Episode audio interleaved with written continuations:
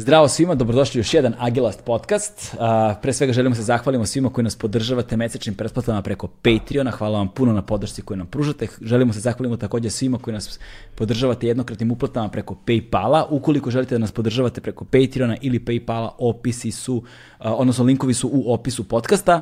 Uh, takođe, ukoliko želite da nas podržite preko neke od kriptovaluta, imate linkove u opisu podcasta, bez obzira na platformu na kojoj nas slušate. I želimo da se zahvalimo našim dragim partnerima iz Red Bulla, kao i uvek hvala vam na podršci koju nam pružate sve ovo vreme i želimo se zahvalimo našim prijateljima iz kompanije Volt, u pitanju je sajt za kućnu dostavu, napravite profil na Voltu, iskoristite promo kod sa imenom našeg podcasta Agelast i ostvarite 600 dinara popusta, to jest 3 puta po 200 dinara na prve 3 poručbine. To je bilo to što se tiče servisnih informacija, a sada je vreme da pređem na svoje goste. Danas ćemo imati tri gosta. U pitanju su dva momka, Vladimir Radinović i Goran Vojteški, koji predstavljaju podcast RS sajt. U pitanju je sajt i aplikacija podcast RS koju takođe možete skinete na vaše mobilne telefone. Oni su agregator, to jest generator svih domaćih, odnosno regionalnih po, podcasta i pored njih Goran Krgović koji je došao iz Novog Sada. U pitanju je čovek koji je već godinama stru stručnjak za tehnologiju podcasta, audio tehnologiju, hosting servere, poslovne modele kada su podcasti u pitanju i onda pretpostavite šta će tema biti u ovoj epizodi. U ovom podcastu tema su podcasti regionalni podcasti, koji su najpopularniji regionalni podcasti, globalni podcasti, kolik, kakva je ta, kakvo je to tržište, kakva je ta scena, podcast kao najbrža rastuća medijska platforma i naravno mala edukacija o tome ukoliko želite vi da postanete podcaster, šta je to što treba da znate pre nego što napravite svoju prvu epizodu. Uživajte.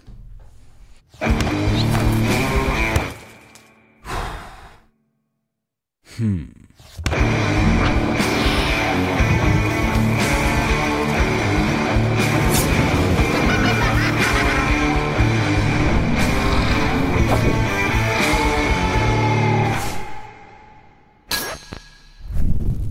E, pa dobrodošli drugari.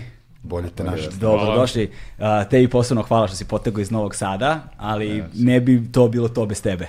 A, dobro. Apsolutno. A nije Novi Sad preko sveta. Pa nije, nije preko sveta, znaš, ali ipak da se iscima čovjek više od 70 km zbog jednog podcasta, znaš, nekako da, da, da. živimo u posebnim vremenima, je, evo te, znaš, tako da, ovaj, ajde da vas predstavim sve, pošto, znaš, stoji u napisu, ali ljudi verovatno sad da pogađaju ko je ko, pošto ima više gostiju. Vlada Radinović i uh, Goran Vojteški, uh, podcast RS i uh, Goran Krgović, stručnjak naš za ovaj poslovni model podcastinga i hosting servere i ima jako puno iskustva rada u inostranstvu, prvenstveno sa američkim podcast tržištem i sa ovim domaćim tržištem, tako da mnogo informacija i iskustva i znanja u vezi sa onime što, što će nam biti tema. Pre nego što počnemo, da ne bismo bili mnogo formalni, uh, Gorane, šta je ovo ovde? Uf, ovo je jedno brutalno vino Aha. od mog rođaka iz Crne Gore, vinarija Krgović. Uh, ovo je vranac Arhonto koji je dobio neki dekanter 98-icu pre neke dve godine. Aha.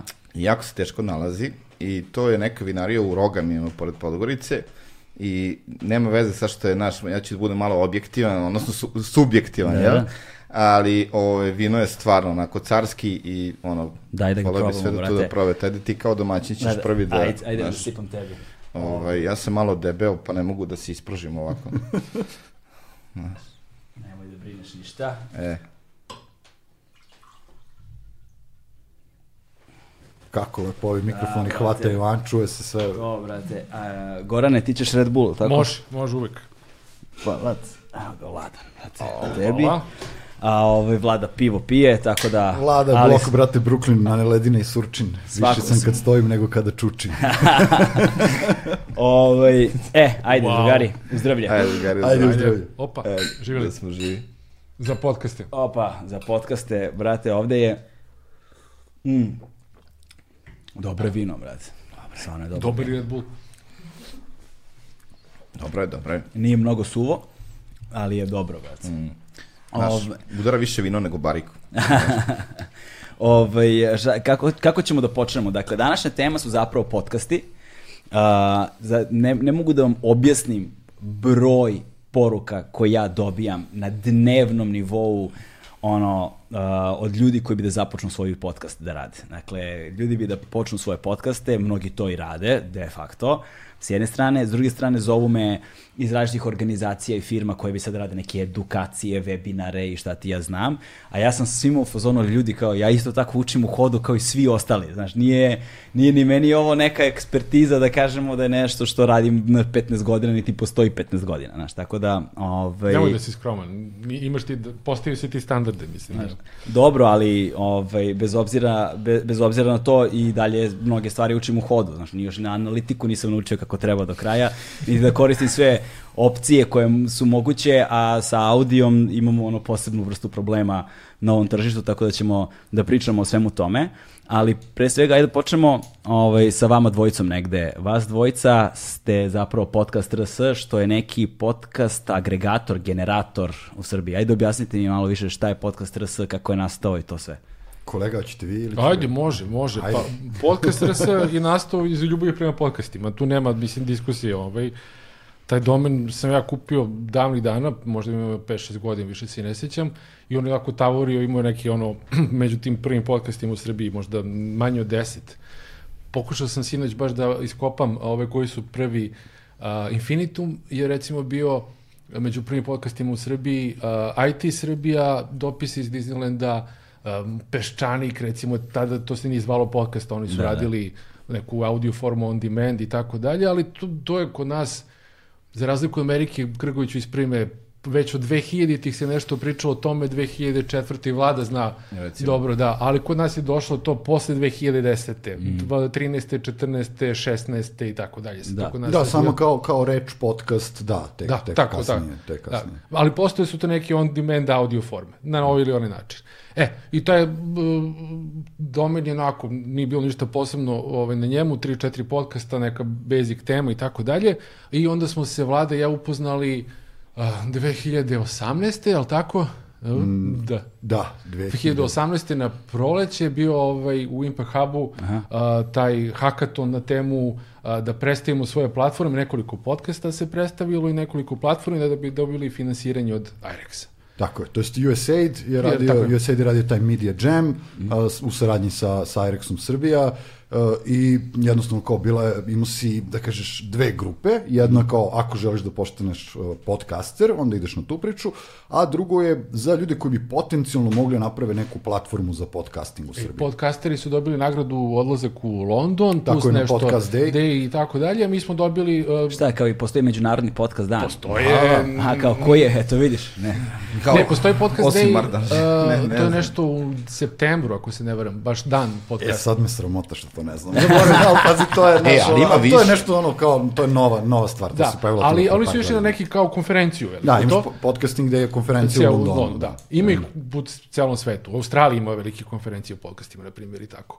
E, a mi smo dobili kao, odnosno jedan od nas dvojice treba da dobije, u stvari bilo nekih 7-8 platformi i mi smo dobili isti broj glasova žirija. Aha. I onda su nas odveli isto sat vremena, ma kakve, 10 minuta nakon što je to završilo, iščestitali se, a nismo se videli nikad pre toga u životu, vlada je došla sa nekom platformom koja je imala neku uh, znanje o samom hostingu, platformi, o razvoju tih vlade ceo život u community radiju i tako dalje. A ja sam došao sa podcast RS koji već postojao, koji je već bio prvi na pretrazi kad ukucaš podcast negde u Srbiji i tako. I onda su, smo seli onu prostoriju i su rekli, znate, vi ste podelili otprilike ono prvo mesto, pa ajde otprilike ono Battle Royale, kao da se pobijete, pa ko pobjede dobije pare. A ovaj vlade tu odmah rekao iz proma, da, kao malo tržište, ajde radimo zajedno. I ja sam rekao da, naravno, i od toga je, ono, od tog trenutka je podcast RS 50% vlada, 50% ja. Eto, to je da. tako počelo. I mi imali smo tada, recimo, 12 podcasta na platformi, sad ih ima 170, imali smo, ne znam, nismo imali aplikaciju, sad imamo neku malu aplikaciju, tako da, dakle, samo smo radili i nismo imali opremu, sad imamo ozbiljnu opremu i za video i za audio i tako dalje i tako dalje. Rasli smo od tog proleća 2018. Paralelno sa tobom. Paralelno da, sa tobom, da, da, da, da. To, to, Ti si isto među prvima bio tamo. Nisi baš, ali među prvih recimo pa, 20. E, pa da, mene to ljudi često, znaš, meni često mi se dešava da su ljudi u fazonu da sam ja kao, valjda zato što je podcast negde ljudima nova stvar i dosta, jedan veliki deo te publike se negde valjda upoznao sa tom platformom kroz naš podcast ovde.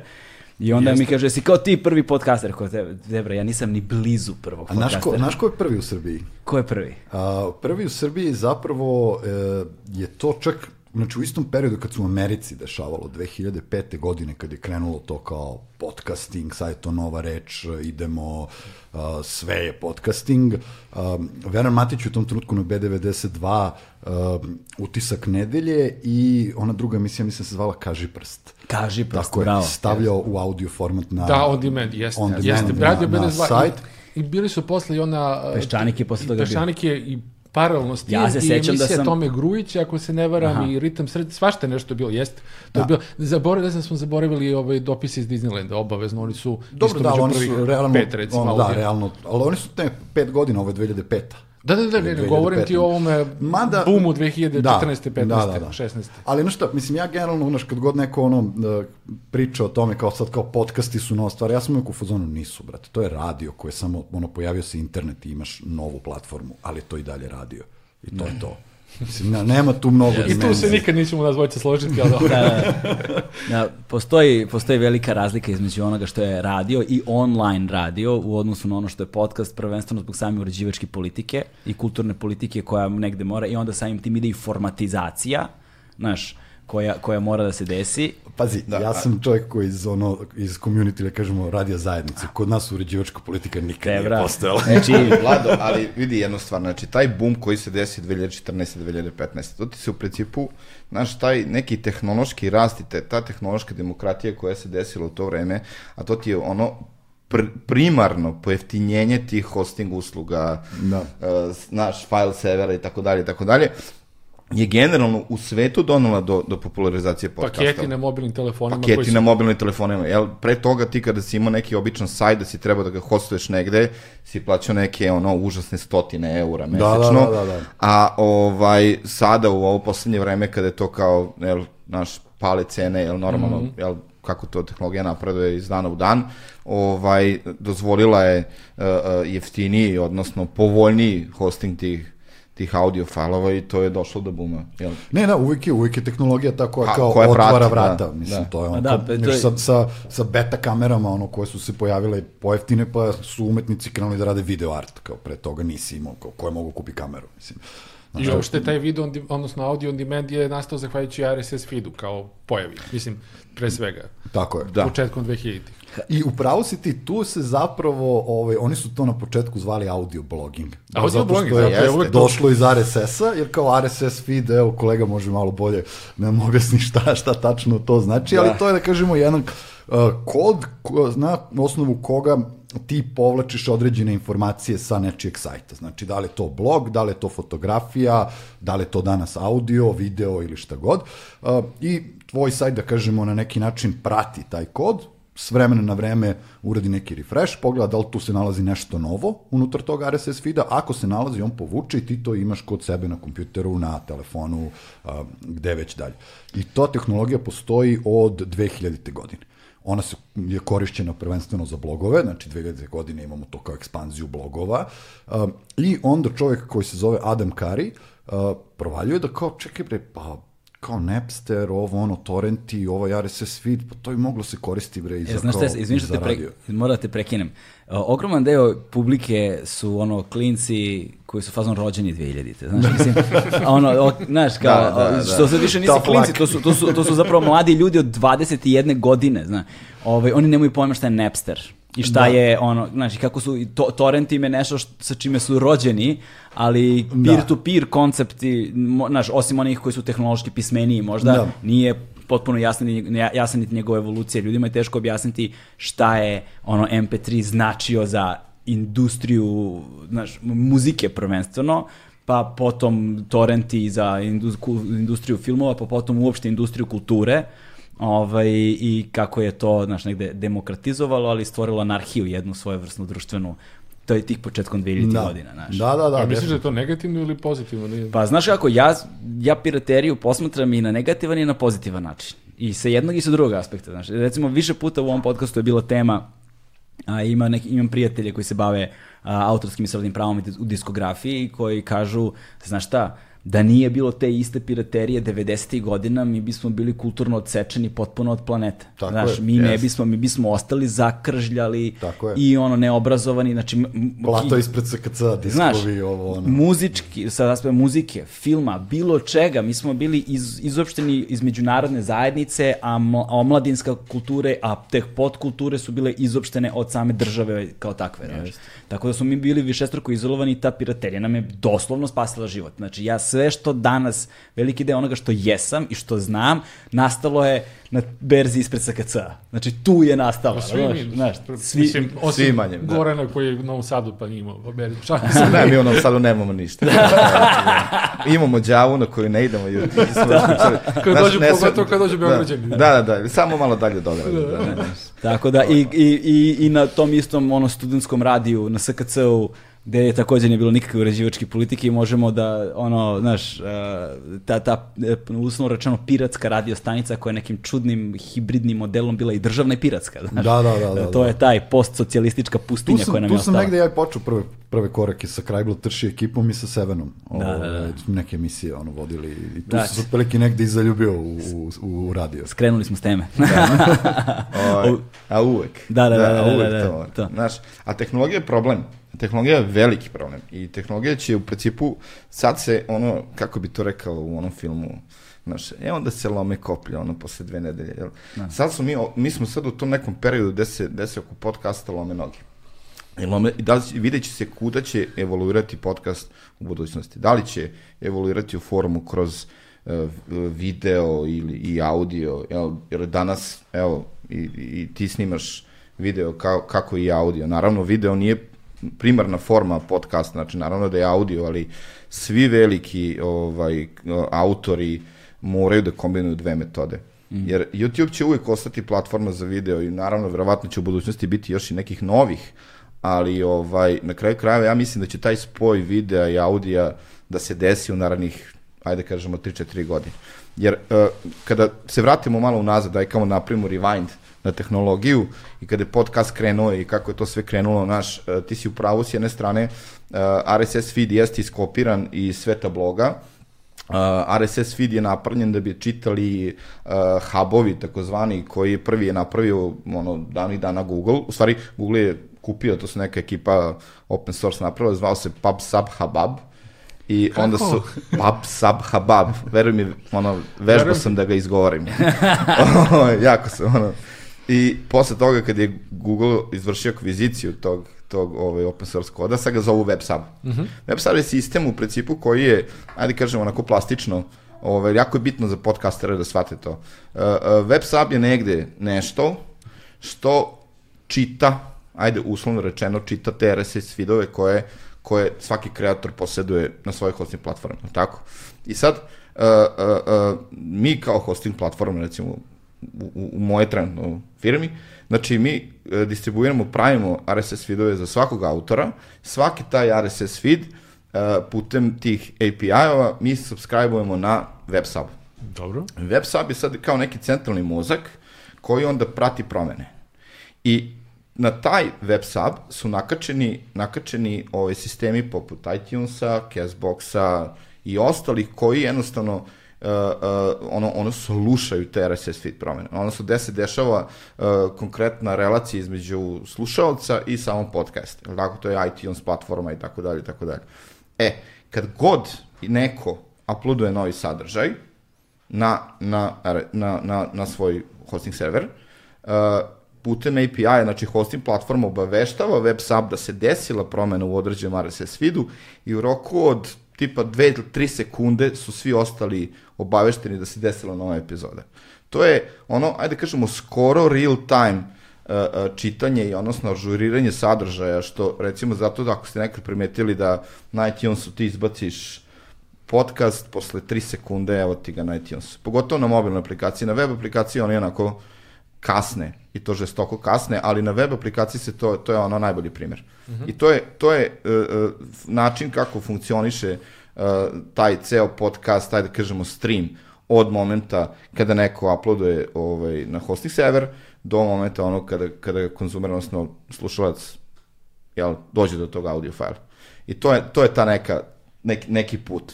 Međutim, sad, uh, uh, kako to je, traje već dugo godine kako i traje, i ceo internet je, znaš, uh, krene nekom revolucijom pa padne, pa krene revolucijom pa padne, ovaj, znaš, nekada davno kad se pojavio web i kad su svi ono kucali HTML kodove i svašta nešto, pojavio se Flash. Čuli ste možda svi za Flash. Kako ne, brate, učio da radi E, na Flashu si da, onoliko. da. E, znači Flash je brutalan. Br Flash je, Flash je trebao da pa, promeni svet. Da, ali, da. ono, generalno promeni svet. To se jednostavno, ono, velikim igračima nije svidela njihove tehnologije, jer te tehnologije nije mogla da se kroluje, nije mogla da se parsuje i tako dalje. Evo, Apple ubio Flash. Nije Apple bio Flash, Google je bio Flash. Google je bio Flash. Da. Ovaj, I na kraju se desilo to da se ti vratio na neku jel, bazičnu tu tehnologiju i to, je, znaš, i to ide sada kako ide i sad je tu neko, neko opšte ludilo u tom web developmentu. Brate, izvini, kad je bio MySpace, svi su umeli da koriste HTML, tako brate. je, Svi, svi. su bili... Svi su kodirali svi svoje su page-ove, kodirali, da, čoveče, da, da. Ista stvar kod podcasta. Da. Znači, imaš RSS feedova i ta tehnologija je generalno zastarala. Jer danas ti za jedan podcast šta ti treba? Treba ti jedan hosting server, znači, nemam pojma, gde god hoćeš, uh, mora da bude brz. Zašto mora da bude brz? Zato što, jel, ono, iTunes i ostali, jel, kada serviraju te fajlove, ti fajlovi moraju da budu servirani generalno brzo i to se stvaraju preko, preko tih content delivery networka i šta ti ja znam. E sad, za nekog, ajde kažemo, početnika, njemu content delivery network ne treba. Njemu treba jedan sajtić tipa Word- WordPressa, WordPress na kraju krajeva ima svoje, ima svoj RSS feed, ti bez problema možeš da izabereš da ti je ono tip posta audio, ubaciš lepo audio unutar epizode i ti ćeš unutar tvog RSS feeda preko samog WordPressa i moći da distribuiraš svoj, podka, svoj podcast gde god hoćeš. Jer svaki onaj drugi item, onaj element u Da, da, da, RSS da, da. feedu može da bude i tekstualni, može da bude i ovakav, može da bude i onakav i može da na kraju krajeva da se drži taj uh, uh, ono medija element kao što je audio file Da. ili video. I zavisno od toga ga svaka ta neka streaming platforma sluša. Međutim, uh, uh, ona promena što sam sad na početku, da se vratim sad na početak te priče, će se desiti da će se izgleda uh, taj RSS feed ukinuti. I da se, Opa. i da, i to sad upravo zato što je naš potreba za RSS feedom prestaje. Jer, jer toliko je tehnologija uznapredovala da ti uh, sad zaista nemaš potrebe da se, jel, Da, da, bakćeš da. samo isključivo za time, nego imaš REST servise, API servise i tako dalje. Ali to je problem, zato što je do sada mogao klinac da iskodira ono, za 10 minuta interneta kako se radi, kako se pravi RSS feed, kako se generiše. Sad će to moći da radi samo malo veći igrači. Znaš, ili malo ozbiljniji developeri. Znaš, što, što, je, što je opet problem. Da. Ali, znaš, upravo se tu dešava, se, kažem, ja sam baš onako dosta upućen u to i, i na nekoj konferenciji skoro koji smo bili online u, u Americi, uh, nažalost online, ovaj, uh, je, i upravo bilo reći o tome, da će se taj video i audio mrađovati, zato što je storage space, aj složit ćete se, sad je najjeftiniji Da. od kad postoji, mislim, vi se bavite s ovim poslom dugo i Da, sad da, znaš da, koliko da, je to raslo, odnosno koliko je cena bila mnogo veća nego sad. Tako je. Tako Brate, je. ja, sad, ja, ja, ja stalno to ponavljam, znaš, ja sam u medijima više od 20 godina, ja se sećam kad smo radili na, ono, ti ja smo zapravo radili zajedno pre Dve- 2003. druge. tako nešto, znaš, ti, on je bio na studiju B, ti si radio, ti si se uvijek bavio filmom nešto. Mhm. Tako je, znaš, ti si na studiju B bio, pa smo posle bili zajedno na Metropolisu, pa smo posle bili zajedno na MTV-u. A ja sam među vremenu bio u filmskoj distribuciji. Dakle. Da, u filmskoj distribuciji si bio, tako da ono, sretali smo se XY puta, onda smo se sreli sad u podcastingu, tako da, Tako je. i onda se sećam kad su bile ono pogače, pa, pa, pa high osmice, pa de, bete, pa digi bete, pa se samo smanjivalo do mini DV-a i onda su odjednom krenule kartice, znači sad jebote za 2 dolara ono kupujem na cloudu, znaš, 200 giga me lagano, razumeš, Pa da. space-a bez ikakvog problema, znaš. Da, da, da. da Tako da... A čekaj, da li je taj merge, izvini, audio i video uh, ono što radi sada Spotify? E sad, znaš, ovo je moje mišljenje da će Spotify uništiti podcast. Zbog gatekeepinga ili zbog toga što forsira video? O, o, ne, ne zato što forsira video. Oni, oni su, uh, uh, ne znam da se sećate Luminarije. Da. E, Ne, ja znaš se ne sjećam, šta je? Luminary? Luminar je platforma koja se pojavila uh, pre dve godine, recimo, 2019. Uh, koja je zamislila da podcast, podcasting treba da bude kao platforma, kao Netflix za podcasting. Recimo, da ti dođeš kačeš svoj podcast gde svi plaćaju pristup, a sad ću objasniti zašto to, gde svi plaćaju pristup i da je to po meni ok. Znači, ako hoćeš da imaš ono behind the paywall, plati, slušaj podcaste, podcast koji želiš, autor je ono, ima svoju nagradu novčanu za to, zna zašto radi, jel tako, ima, jel, ne mora da se bakće se reklama, ne mora da se bakće se nekim, nekim drugim stvarima. Kada je to završio i ti kao imaš taj foru Netflix. Međutim, et, uh, Luminar je radio jednu foru koja se zove proxy, taj, odnosno URL-ova pre samog izvora. I oni su uh, u svojim playerima na, na, na sajtu uh, pre, pre adrese, URL adrese ka tvom audio fajlu, davali svoju. I time, A, sakrivali su zapravo. Sakrivali time i nisu na kraju redirektovali. To je jedini problem, to je vrlo mali tehnički problem koji su oni imali, ali je sprečavao analitiku drugima koji su, znaš, da vide na svojim uh, uh, hosting platformama. Jednostavno, kao da su ono krali sadržaj, jel? A u stvari nisu. Da, da, da. I tu je izbio opšti, ono, jel, tweet, tweet uh, uh, hate na Luminary i Luminary se posle toga izvinuo i oni su to ukinuli, znači ukinuli su tu praksu da rade, uh, potrošili su silne pare u neke, u neke reklame, ja mislim da Luminary sad je tu već ono polu, ajde da kažem, polu živ. Jel? Ne znam da li ga neko kupio. Ne, ne znam, nebitno. Međutim, kad da se vratimo na Spotify, Spotify radi još goru stvar. Znači, Spotify ti ukrade fajl. I zato ti, ono kada smo pričali o, o analitici, kao zašto ja ne vidim sad moje listenere, znaš, na mojoj platformi, hosting platformi sa Spotify-a i na Spotify-u samo vidim sa Spotify-a, na ovom sve ostalo, jel? Tako je, da. Zato što Spotify krade, ali fizički krade tvoj fajl, jer oni imaju njihovu peer-to-peer tehnologiju, oni taj tvoj MP3 fajl uzmu, uh, iščankuju ga ono, mm -hmm. znaš, na milione, da bi e, iskustvo njihovih slušalaca bilo bolje. Zato što je kompletna njihova tehnologija i ono što Spotify jeste, je bazirana na muzici. Da. Nekada davno, kad je stream bio skup, oni su izmislili tu peer-to-peer -peer tehnologiju i ovaj, sa nekim ono, minimalnim troškovima su ostvarivali taj masovan protok kroz njihovu aplikaciju gde su ljudi mogli slušati muziku.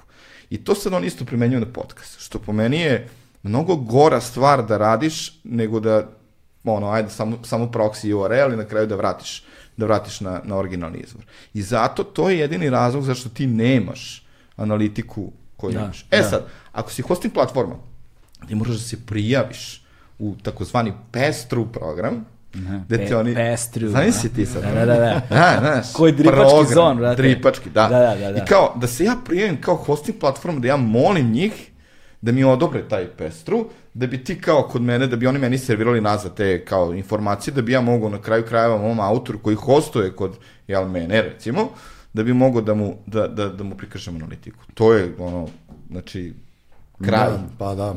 Znaš? Da, da, pa tako, ja, ja kad gledam svoju analitiku, ja je gledam tako što odem na svoj hosting server i tu vidim uh, analitiku sa svih audio platformi, sem sa Spotify-a, a za analitiku sa Spotify-a moram da odem na Spotify for Podcasters i da odem tu i da pogledam. Ali ono što mi je problem sa audio analitikom, A, I to je ogroman problem kod pičovanja potencijalnim klijentima. Ovaj, dakle, e, prva reklama u svetu uh, audio podcastinga yet to be sold, ona kao tek treba da, se, da, da se proda kao partnerstvo um, je što ne mogu da dobijem preciznu analitiku kao što mogu reci, kao što mi recimo YouTube nudi. Jer ja svoj jebi ga podcast otkačim na YouTubeu i on je tu i onda ja kod njih gledam svu analitiku. Ja znam svoju demografiju muško, žensko, ovoliko godina, ovoliko godina odavde dolaze, odande dolaze, sve vidiš, znaš. A za audio, nažalost, ta opcija mi nije moguća. Ja ne mogu da vidim ni odakle dolaze, u stvari mogu da vidim odakle dolaze. Tako Mož, možeš da vidiš Mogu da vidim odakle dolaze, da. ali ne mogu da vidim muško, žensko, a, a, uzrasti, demografiju, procente, što je za brojne klijente presudna stvar sutra ukoliko želiš da ali prodaš jeste, svoj. Ali jeste, ali s druge strane gledaš malo, malo je ovaj, prirodnije. Što bi mene neko pratio? Čoče, zna ko sam, šta sam, gde sam. Mislim, naravno, sa strane biznisa, Aha. da, kao, ok, analitika je jako bitna stvar, ali sa strane slušaoca, Ne, ne, pa da, jeste. Dobro, sad, sad, sad ima... ne, ti otvaraš jednu drugu vrstu pitanja. Znači, ne, ti otvaraš dru, drugo pitanje. Ja govorim o poslovnom modelu. Ne ulazim sada u širi kontekst, ono, filozofije, da uh, im podataka i zaštite podataka i, kon, znaš, ne ulazim u to. I ko zašta može da koristi te podatke i kada taj agregat koji odlazi u ko zna šta i onda nas svi prisluškuju, znaš, pusti ono, da li me moj telefon prisluškuje ili je ja toliko dobro predviđa moje ponašanje da mi uvaljuje reklame pošto smo pet minuta pošto smo pričali o nečemu, znaš. Ali ne govorim o tome. Dakle, govorim samo uh, da svi ljudi koji žele da počnu da rade podcaste i da im to bude ono primarni izvor prihoda. To je, to je priča koju ja u krug verglam non stop. Zašto sam ja postigao ono komercijalni uspeh? Zato što nemam plan B. Zato što ja ustanem ujutro, razmišljam o podcastu, legnem uveče, razmišljam o podcastu. Znaš, to je, da, znaš, da, da. nemam primarni izvor prihoda i da podcast radim u slobodno vreme. Znači, nemam. Znači, ja sve svoje vreme posvećujem ovome. I, ali da bih mogao to da radim, da bih mogao da ispunim određena očekivanja publike, da ispunim određen produkcijski kvalitet, da bih mogao da kupim šta treba, da platim koga treba, da sve uradim kako treba, pa ja moram i da zaradim od toga, Tako znaš. Je. I ono, to je, to je nekakav osnovni model, da bih mogao da zaradim, i nažalost tome, to će nam biti posebna tema zašto u Srbiji ne može da se zarađuje od podcasta, audio prvenstveno govorimo ovde, Ovaj, dakle, imamo tehn, tehnički i politički problem zašto to ne može se desiti između ostalog, ali je... Tržište, mislim, pa- malo pa, i siromašno. Nije samo malo nije i siromašno, nije samo mm, to. Nije samo. Nije, Ajde, proći ćemo, doći. Nije, sa, nije samo to. Ovaj, i, onda, I onda imaš situaciju u kojoj, uh, u kojoj ja sad moram da kontaktiram potencijalnog uh, klijenta koji bi se reklamirao. I šta meni na ono, ako se dopisujemo mailom ili pričamo telefonom ili smo na Zoom sastanku, šta je ono drugo pitanje koje ti postaje. Prvo pitanje je koliko imaš slušalaca, znaš, i koje drugo pitanje je demografija. Ali, znaš, koju ja ne mogu ponuditi. Sad, da. vidi, što se tiče demografije, uh, ima, tu je jedan problem. Znači, zašto je to nešto što neće moći da se prikaže na audio file? Hmm. I to je ona i to je onaj onaj drugi deo što sam rekao, moraće doći do mrđavne tehnologije i tako dalje tako dalje. Uh, uh, fore u tome što uh, sad mani na stranu GDPR, da, da, da, da, sve, uh, teh, tehnički je nemoguće. Ljudi moraju to da shvate, da je taj audio file pohranjen na nekom serveru. To je audio file. Znači, postoji velika razlika između fajla i izvršne komande, skripte, jel? na nekom sajtu, na nekom sistemu i tako dalje. Na YouTube-u je to moguće, zato što na YouTube-u ti hostuješ svoj video materijal i imaš takozvani njihov player preko koga ljudi gledaju. Tako je. Taj player ti ubacuje svih tih praćenja i čuda, drugo YouTube je Google, Google jel? Znači koristi Google analitiku, Google kukije, tako dalje, tako dalje. Znači, i on jednostavno ti daje tu informaciju samo preko njegovog playera, ne preko videa, preko playera. Znači, to ti ista priča kao sad što Spotify želi, znači oni imaju svoj player i taj audio koji se pušta preko Spotify playera, oni će možda eventualno jednog dana, samo da razvijete tehnologiju, to nije ni problem na kraju krajeva, da ti daju te informacije. Znači, oko demografije, oko ovoga, oko onog, koliko procenata se sluša tvoj podcast, što je jako bitna informacija.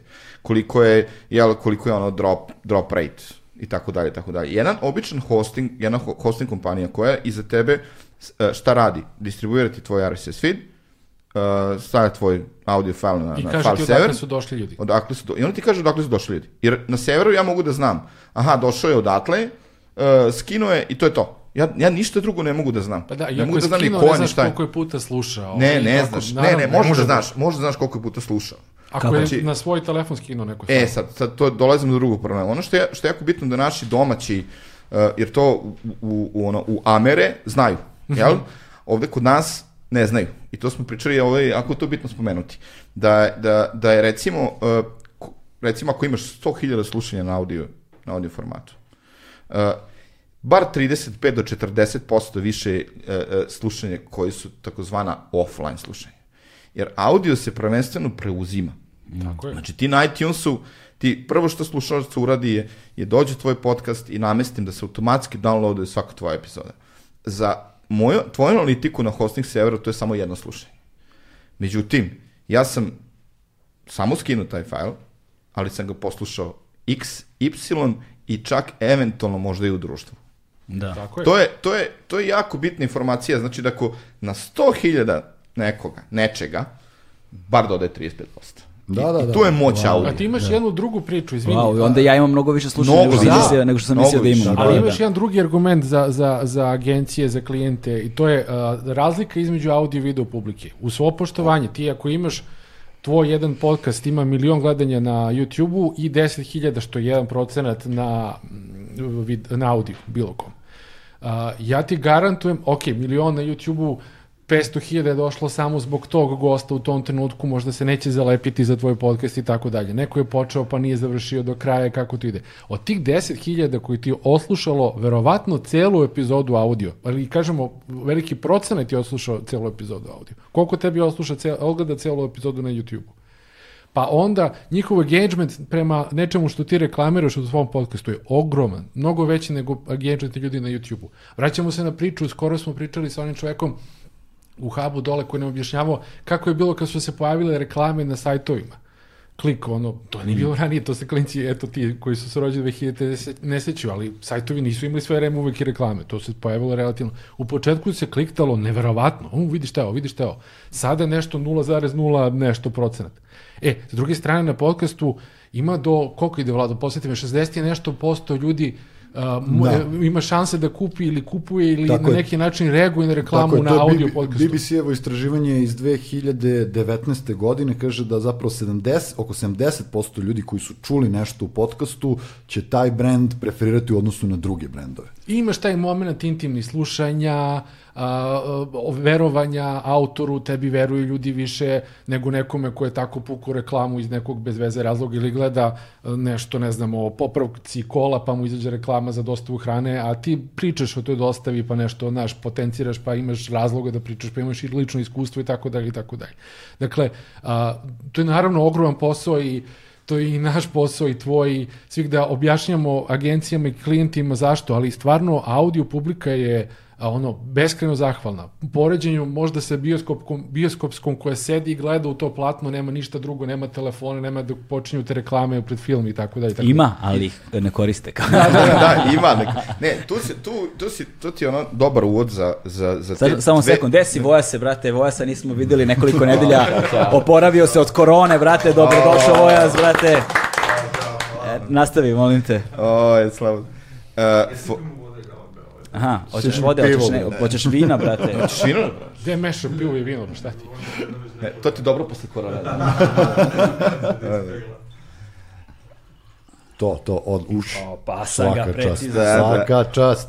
E, tako da, e, tu dolaziš do te one dve vrste reklama. Mm -hmm. I to je ono isto gde se, gde, gde ljudi, gde ljudi sad sad isto kao, kako ja sad zaradim lovu od podcasta. Uh, I, i to, to je, pričamo ako treba. To znam, to ćemo, to ćemo, ali samo da napomenem da tu vrstu, uh, zašto to je bitno, evo, pogotovo i za Galeba.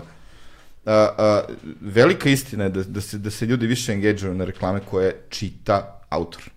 Mm. Jer ti u podcastu imaš trenutno u svetu, neko od nas, imaš dve vrste reklama. Imaš taj dynamic ad i imaš host thread ad. Znači, dynamic ti je nešto što je ono, jel, AdSense plug and play solution, ti kažeš, ej, hoću tu, tu, tu, Samo, tu. ja bih, ja bih stvarno volio, izvim što te prekinem, stvarno bih volio sve što možemo da izgovorimo na srpskom, to i uradimo. Naravno, ne, hoću, ne, ali to... Zato što, zato, da, znam, zato što, zato što veliki broj slušalaca, uh, ne znam, naš, naš, ono, AdSense plug and play solution, brate, znači, e, šta si sad, mi, ako ja neko, znam šta si rekao, razumeš? ako neko mrzi anglikanizme, to sam ja, da, ali ja ne znam kako ovo da prevedem. Da. Odnosno, ajde kažemo, dinamički, dinamički ubačene reklame u audio datoteku na da, kvarno. Da. uh, odnosno, jel, to može biti na kvarno. Da.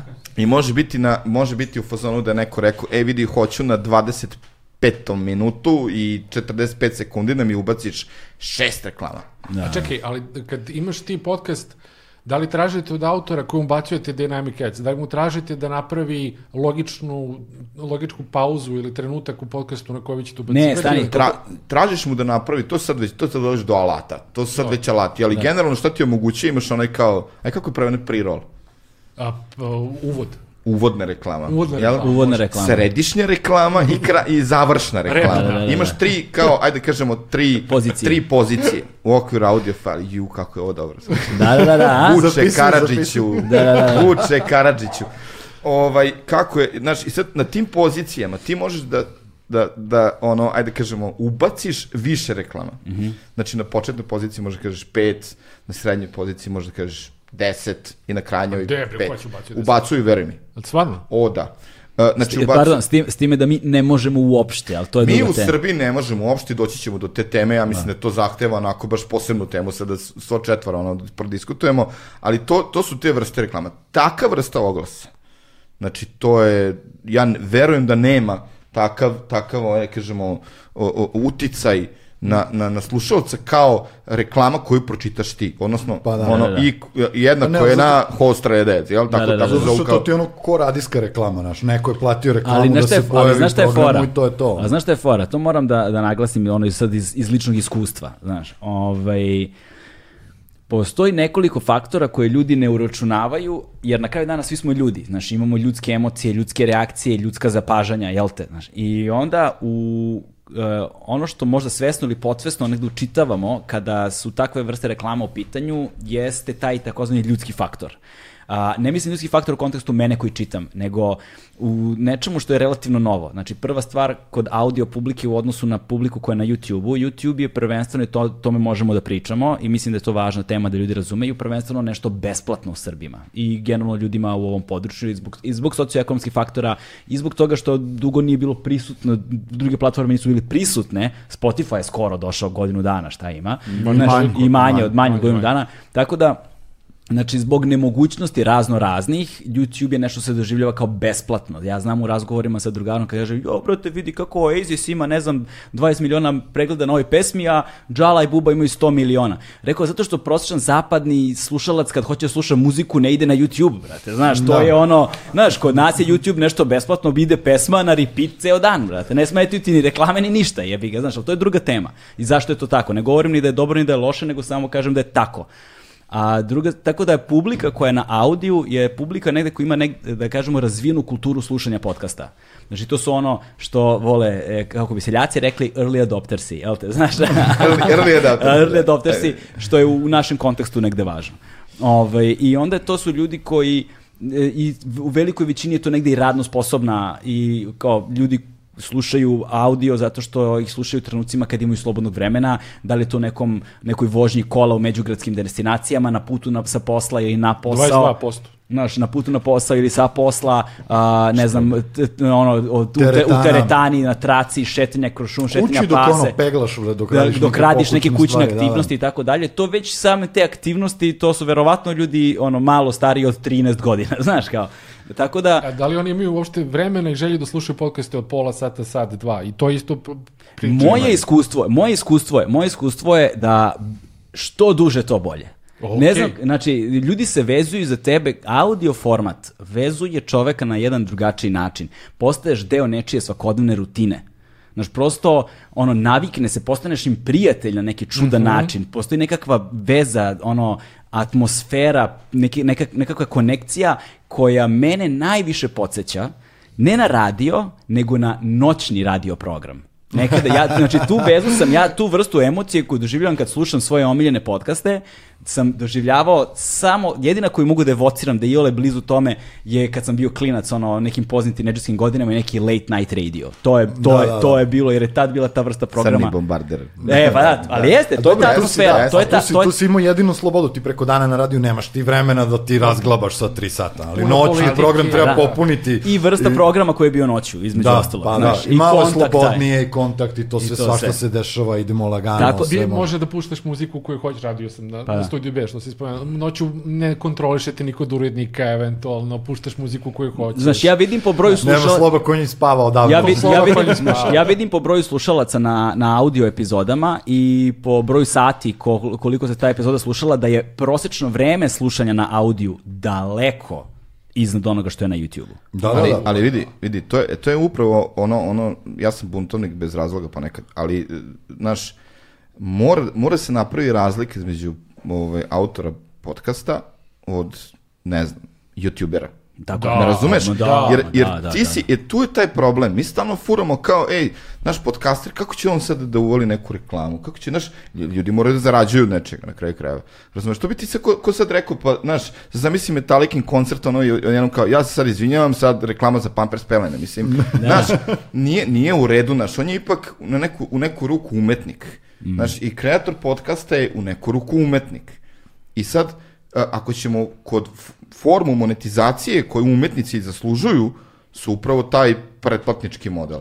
Jel tako? Znači, ono, neka, neka forma gde se ti pretplatiš mesečno uh, na taj podcast i slušaš. I zato je I- i ti audio, to izvini, plaćaš. zato je tvoja platforma ili neki Spotify za podcaste to super, između ostalog, zato što su bravo. samo podcasteri tu. Jeste. Na YouTube-u, što kaže Lata, moramo se bijemo sa, Tako je. sa klincima koji ono lupetaju i ovo što su kratke forme, Ne, ali sad imaš, gluposti. znaš šta, me- ja, ono što je meni, na primjer, zanimljivo u zadnje vreme, znači, od kako si ti krenuo i krenulo, da kažemo, kao malo popularizacija i termina podcast i generalno podcasta u Srbiji, evo, od početka godine ja sam video 20 novih podcasta u Srbiji koji su samo YouTube. Oni nemaju audio uopšte. Zato što misle ljudi da kao, ok, podcast je na YouTube-u. Ono što je greška velika tu, je ti daješ jednoj platformi da kontroliše tvoj kontent. Tebi YouTube može da ugasi u svakom Znaš šta, je, znaš šta je iz mog iskustva tu velika greška i to moram da naglasim. Preko audio platforme stvaraš takozvanu core publiku. Tako je. Tu ti je core publika. Tako je. Na osnovu nje stičeš reputaciju koja ti dovlači komercijalnu publiku. Znači, publika sa YouTube-a je drugi prsten, treći prsten Da, da, da, publike. da, znači, prvi prsten je na audiju, na audio platformama. Ti tek kada si uradio digitalnu distribuciju, okačen na hosting server, investirao u dobar zvuk, razmišljao o tome na taj Mhm. način i vodio razgovore tako da nema ono vizualnih pomagala u tom kontekstu jer se ne oslanjaš na kameru. Tako je. Znači ja kad mi dođe, meni se vrlo često dešava sa gostima, e, poneću ti neke fotografije da vidiš ovo, neko, ne, ne, ne, ne znaš mi ništa. Ako imaš nešto, neku fotografiju da mi pokažeš, opisat ćeš je rečima. Pa da, Znaš, da. znači uvek, uvek imaš negde u svesti audio, onoga koji sluša samo audio, ti ljudi su ti onda strašno zahvalni. Ja dobijam često poruke, jo, brate, man sam pomislio, sad ćete ne znam šta, ali ono, onda si ga naterao ili si je naterao da. da, da, da, znaš, da opisuje i kao nisam morala ili nisam morao da se prebacujem na, na vraćamo YouTube i na na onu video. priču da osim ono što rekao si mi ti svoje vremeno uh, kad Elon Musk duva kod uh, Da, da. Rogana sve što je u nekom podcastu, sad iz nekog podcasta citirano, spominjeno je zapravo rečeno. Ti nikad ništa nisi video prepametno u podcastu. Šta ste možda vidiš? Ali, ali postoji još jedna... Je priča. Ali postoji još jedna stvar tu veoma važna. Tu sam ja recimo naučio na teži način, znači, pošto sam jel te ono ljubitelj književnosti i to što nije tajna. Dakle, ja sam u početku pokušavao da inkorporiram to u svoj podcast i onda, i onda je to, sad sam napravio poseban podcast koji se bavi samo time, ali nauč, poučen tim iskustvom taj podcast je isključivo audio. Jer čitanje, i tu je ono gde sad i reklame imaju smisla, je jedno intimno iskustvo koje ima smisla u audio formatu. Znaš, u video formatu sad ti moraš i da gledaš nekoga kako čita, ukoliko taj neko nije glumac Da. koji to ume da radi tako, znaš, da odglumi to, što ja nisam, onda to vrlo često ni ne izgleda dobro. Znaš, i onda ako zvuči dobro, gubi se efekat dobrog zvučanja zato što si primoran da prisustvuješ jednoj neprijatnosti vizualnoj, znaš. Da. Tako da, Ne, ne, imaš, imaš i onaj moment isto ko, koji bi ja volio napomenuti tu kao ljudi zaboravljaju, a, tebi je jednostavno a, cena ulaska u podcasting mnogo skuplja ako ćeš da ideš na YouTube. Znači to- ti to- realno za ono a, stotinak dolara, evra, čega god, možeš da kupiš jako kvalitetne mikrofone i da Evo, snimaš. mi kad smo da... kupovali opremu, nije bilo ničega. Znači, bukvalno smo ono prosili mikrofon po mikrofon, sada u svakoj audio prodavnici imaš ono podcast starting Tako je, pack. tako je, se da, prodaje. da, da, Ne, ali pazi, ali hoću kažem, kao ti za stotinak dolara, stotinak eura može kupiš neke sasvim dobre mikrofone, imaš besplatne softvere za, za editing, imaš besplatne hosting servise i to je to. Ti si online, imaš čak i, i servise koji ti daju besplatne um, zvukove, ti kao za audio dizajn i tako dalje. Znači, i ti, to je to. Ako imaš ideju, ti za stotinak dolara i eura, ti si ušao u priču. Da bi ušao u video, to su već hiljade i hiljade, treba kupiš kamere, treba kupiš svetla, treba da imaš prostor da ćeš to da radiš. Evo ti naš objektive, primjer, mi imamo stative, ozbiljne- Objektive, tako baterije. je, tako je, tako je. Mi smo vrhunsku opremu, a audio monitore. kupili za 1000 dolara, a, a za video opremu smo spržili skoro 10.000. Da. Da. Znači, deset puta je skuplje ono da bismo imali profesionalnu video opremu i da bismo imali profesionalnu audio opremu. E, a sad vidi, to je, to, to je ono kada, kada mi stalno govorimo, znaš, ja, ja, ja podržavam to. Znaš, ako ćeš da praviš podcast, možeš da imaš kvalitetnu audio opremu. Niko ne voli da mu pikuje, ono, znaš, da mu, da mu zvuk Skype probija. Da, da, da. Zoomovi. Ali vidiš kako Ameri to, znaš, ono, kako se zove ono beše platforme, na vrh jezika mi. Uh, telefon, dovoljno ti telefon da imaš, pa ti tu sa snimi... Anchor. Anchor. Enkor, da. E, i kao, e, telefonom ćeš da snimaš podcast. I sad, pazi ti, ti, ti nisi svestan koliko ljudi u Americi, ali to je jedna stvar zato što je došlo do tokve ekspanzije podcasta u, u poslednje vreme, uh, uh, kada se pojavila platforma poput Enkora. Znaš, kao preko mobilnog telefona ćeš ti da snimiš podcast. Mislim, to zvuči grozno. Znaš, to, to zvuči Naravno. nikako. Da, ko će to znaš. da, da, sluša, da, to je da, pitanje. Znaš, ne, na kraju krajeva, ok, ja se isto, ja se isto ono kao onu varijantu i ti, si, ti se baviš celo životom radijom, znači ti, ti audio jedeš za doručak i za ručak i za večeru i ti znaš razliku između dobrog i lošeg audio. I ti ne treba se, ne treba ti budeš ono uh, uh, osoba koja će da ocenjuje da li je, da li je, znaš, jer ti nećeš taj audio da slušaš, jel tako? Kao što ne slušaš lošu muziku, ili Da. loše produciranu muziku. Ali opet, znaš, ljudi to slušaju. I to je neverovatno. Pazi, ja sam par tih podcastova uzo, stavio slušalice, dve sekunde skinu slušalice i otišao. Ali to ljudi slušaju, oni imaju neke stotine hiljada, bre, znaš, snimljeno na telefonu. A do, Znači, opet je pričamo- to veliko tržište. Da, možda ali nađeš ista- ali ista priča 300 vrati- miliona ljudi, 100.000 ljudi koji će slušati gluposti. Da, ali ista priča se vratimo na, ono, na onu varijantu ovaj, sa kamerom, sa YouTube. Mislim, znaš, danas većina tih YouTubera, ono, iPhone-čić ili telefončić i vozi je. A Dobro, dobre su kamere na telefonima. A nije to postoji, ko ali Ma- ne, ajde sad, tu, tu postoji pro, mnogo problema, ali, ali ono što je najčešće brkanje, posebno recimo pošto je podcast novi fenomen na teritoriji Srbije i prostor bivše Jugoslavije, jer nas, boga mi, slušaju i tekako i pozdrav za Hrvatsku, Bosnu, Crnu Goru, Makedoniju, Ameriku. braća naša. o, Kod tebe su podaci tamo, vidiš. Ovaj, dakle, dakle, dakle, znaš, mi smo ono, mi smo najslušaniji u Hrvatskoj i u, i u, i u Srbiji apsolutno. Zato što tu imamo zvani podatke, ovo, ovi agregati podataka nam pokazuju da smo verovatno i, i, u, i u Bosni, i u Crnoj Gori, i u Makedoniji. Ali je fora, ali je, ali je fora u tome što, govorim sad o YouTube-u, veliki broj ljudi brka podcast i emisiju. I kaže, da. Da. dobar ti je emisija, znaš, tako nešto. I kada posmatrajući neke druge, da ih ne imenujemo sada, na YouTube-u, ti vidiš po načinu na koji su oni pozicionirali i nastavili, napravili svoj mizanscen, znaš, napravili su, Da, ti, da, vidi, da. ti vidiš da oni i koketiraju upravo sa tim, ili nisu ni sami jasno definicali da li su emisije ili podcast. A vrlo često takvi ne postoje uopšte na audio platformama. Tako je. Tako da oni negde Ja, dobro, tehnički pazi, jesu oni emisija. Su, oni su ono kao ljudi koji su ko, kopiraju TV, oni nemaju mesto na TV-u i onda hoće da kao Tako je. prave kroz YouTube neki svoj TV kanal, da, kažemo. I to je to zato on, mislim to što kaže oni da nikad u životu nije palo na pamet da treba audio posebno da izbace, iako im emisije isto to kao 2-3 sata i ko lakše bilo ljudima da ih slušaju nego da ih gledaju, ništa se tamo pametno nije dogodilo, niko nikog nije nabao u glavu. Još uvek. Znaš, kao, Još uvek, još uvek, mada nije isključeno. da, da. E, a kad smo pomenuli, ovo sad što si pomenuo malo pre za Enkori, za, to, za taj rast, znači evo skoro je baš bila ta, taj podatak, 2 miliona podcasta. Kao, kao ludilo. Dva mi, prešli smo magičnu brojku, ima 2 miliona podcasta. 48,5 miliona epizoda. Da. Ali, onda kad... Čekaj, to, da, sam, sa, samo sekund. Dakle, na planeti Zemlji Da, trenutno postoji 2 miliona I više. podcasta i više sa 48,5 miliona novih epizoda. Ne, ukupno epizoda. ukupno. ukupna, ukupna, ukupna epizoda. E sada, ovaj, Ali onda uzmeš malo... koji broj njih je nastao u 2020. godini? E, pazi ovako, evo ti podatak. Bilo ih je u 2018. 550.000, od 2019. 750.000. Znači sve od 750.000 do 2 miliona je nastalo praktično. Znači više od 50 procenata, Da, više da. od 50 procenata, 60 procenata po svih podcasta je nastalo u 2020. Tako je. Ali dobro, to ti je ono kao pandemija, svi su bili zatvoreni kući, kao što da radimo, ajde podcast. Ali, da, ali, ali, ali, ali, ali, ali, velik problem tome. Dobro. Znači, mi smo Ne veruješ u moje papire? istraži- Ne, verujem u papire. Ali, taj, taj broj... Gde je pečat? Ne verujem ti. Ne, gde je pečat? Ovaj, znači, moraš da opišeš pečat. Da, da, da, da, da. Ovaj, Okrugli ili pravougani? Da. E, fora je u tome što e, ima taj termin, i kako se prevede termin podfading, ajde sad da mi pomogne. A podfading, a gašenje. Gašenje, jel? Tako je. znači, gašenje podcastove je, je veli, veliki procenat tih, tog broja. Su ti ono podcastovi koji nastanu, E, i vrtnu to je prvu isto. epizodu i ćao. Tako je. Tako Znači- je. Tako je. Znaš šta se smatra po standardu? Da je imao neku objavu posljednjih 90 dana, smatra se aktivnim. Da je 90 dana, a toga ima samo nešto manje od 40%. Mislim da čak manje od E, ne, 35%. Generalno, generalno brojka je da recimo uh, samo 40% uh, tih podcasta ima više od tri epizode. Znači neko ono krenuo snimio dve, tri epizode i batalio. I sad kao uh, zapravo ti tehnički imaš oko možda 800.000 podcasta. Aktivnih. aktivnih.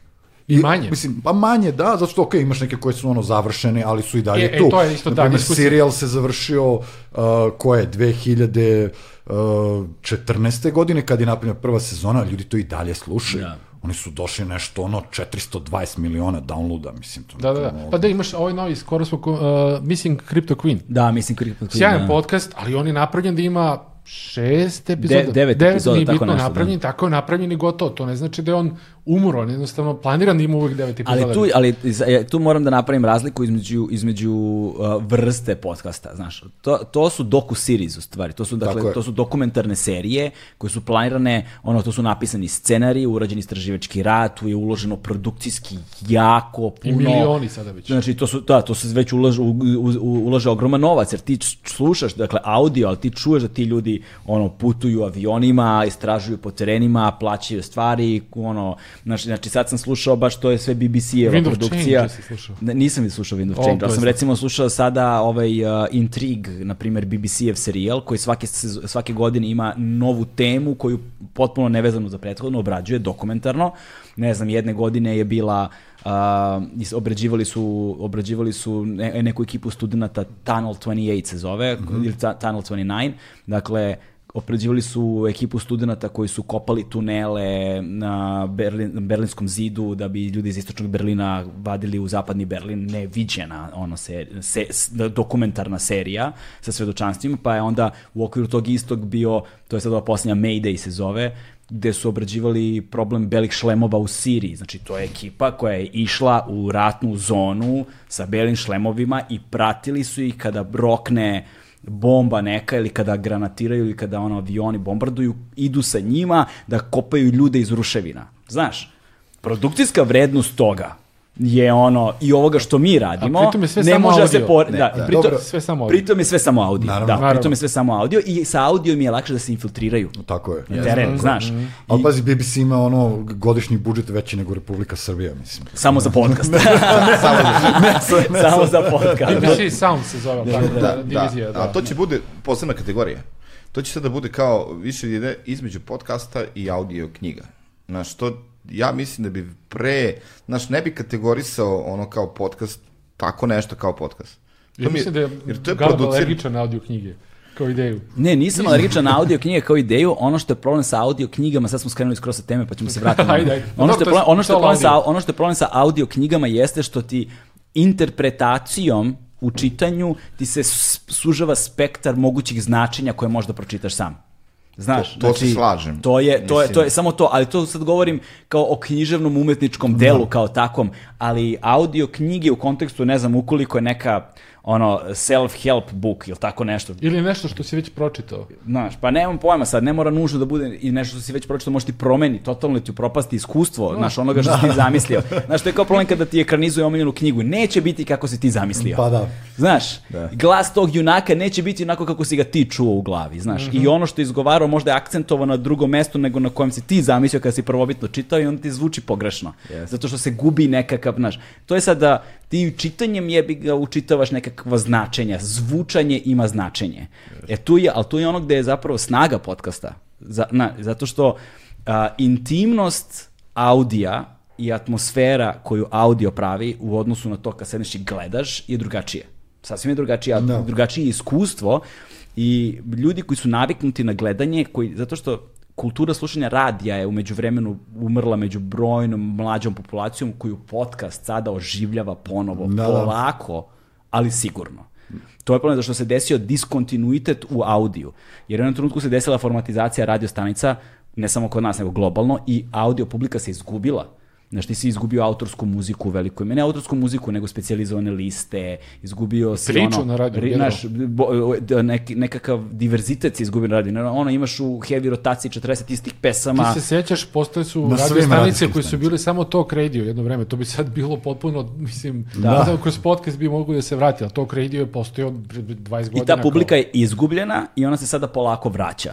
Ali je to spori, bolan proces, znaš, jer ipak si napravio diskontinuitet nečega što je postojalo više Ali od 100 godina. generalno vidiš to, ovaj, ona posljednja konferencija Spotify-a, sad ono što čime se bavi Apple i to, audio kao sadržaj je jedino mesto gde može negde da se raste. Mislim da se puno raste. Rast podcasta, milijardu i nešto dolara su reklame u podcastima u Americi, do sada potrošeno. Mislim, Ne, u jednoj godini, ja 2020. mislim da je- Evo, čekaj, da je Goran prevrće očima, molim te, Plan za Ne znam. 2021. to jest mislim kao neko predviđanje za 2021. je da će kao generalno to tržište biti vredno milijardu dolara ove godine. I ja mislim da je 2020. već uloženo uh, više od milijardu dolara u reklame u podcastima u Americi. Aj samo da vidim, Goran prevrće očima, zanima me zašto. Prevrćem oči zbog podataka. Znaš, ja se, gro, Ja verujem u ja moje se gro, ver, ne, grozim se na to. Da. Ljudi, ja, ali, ali stvarno.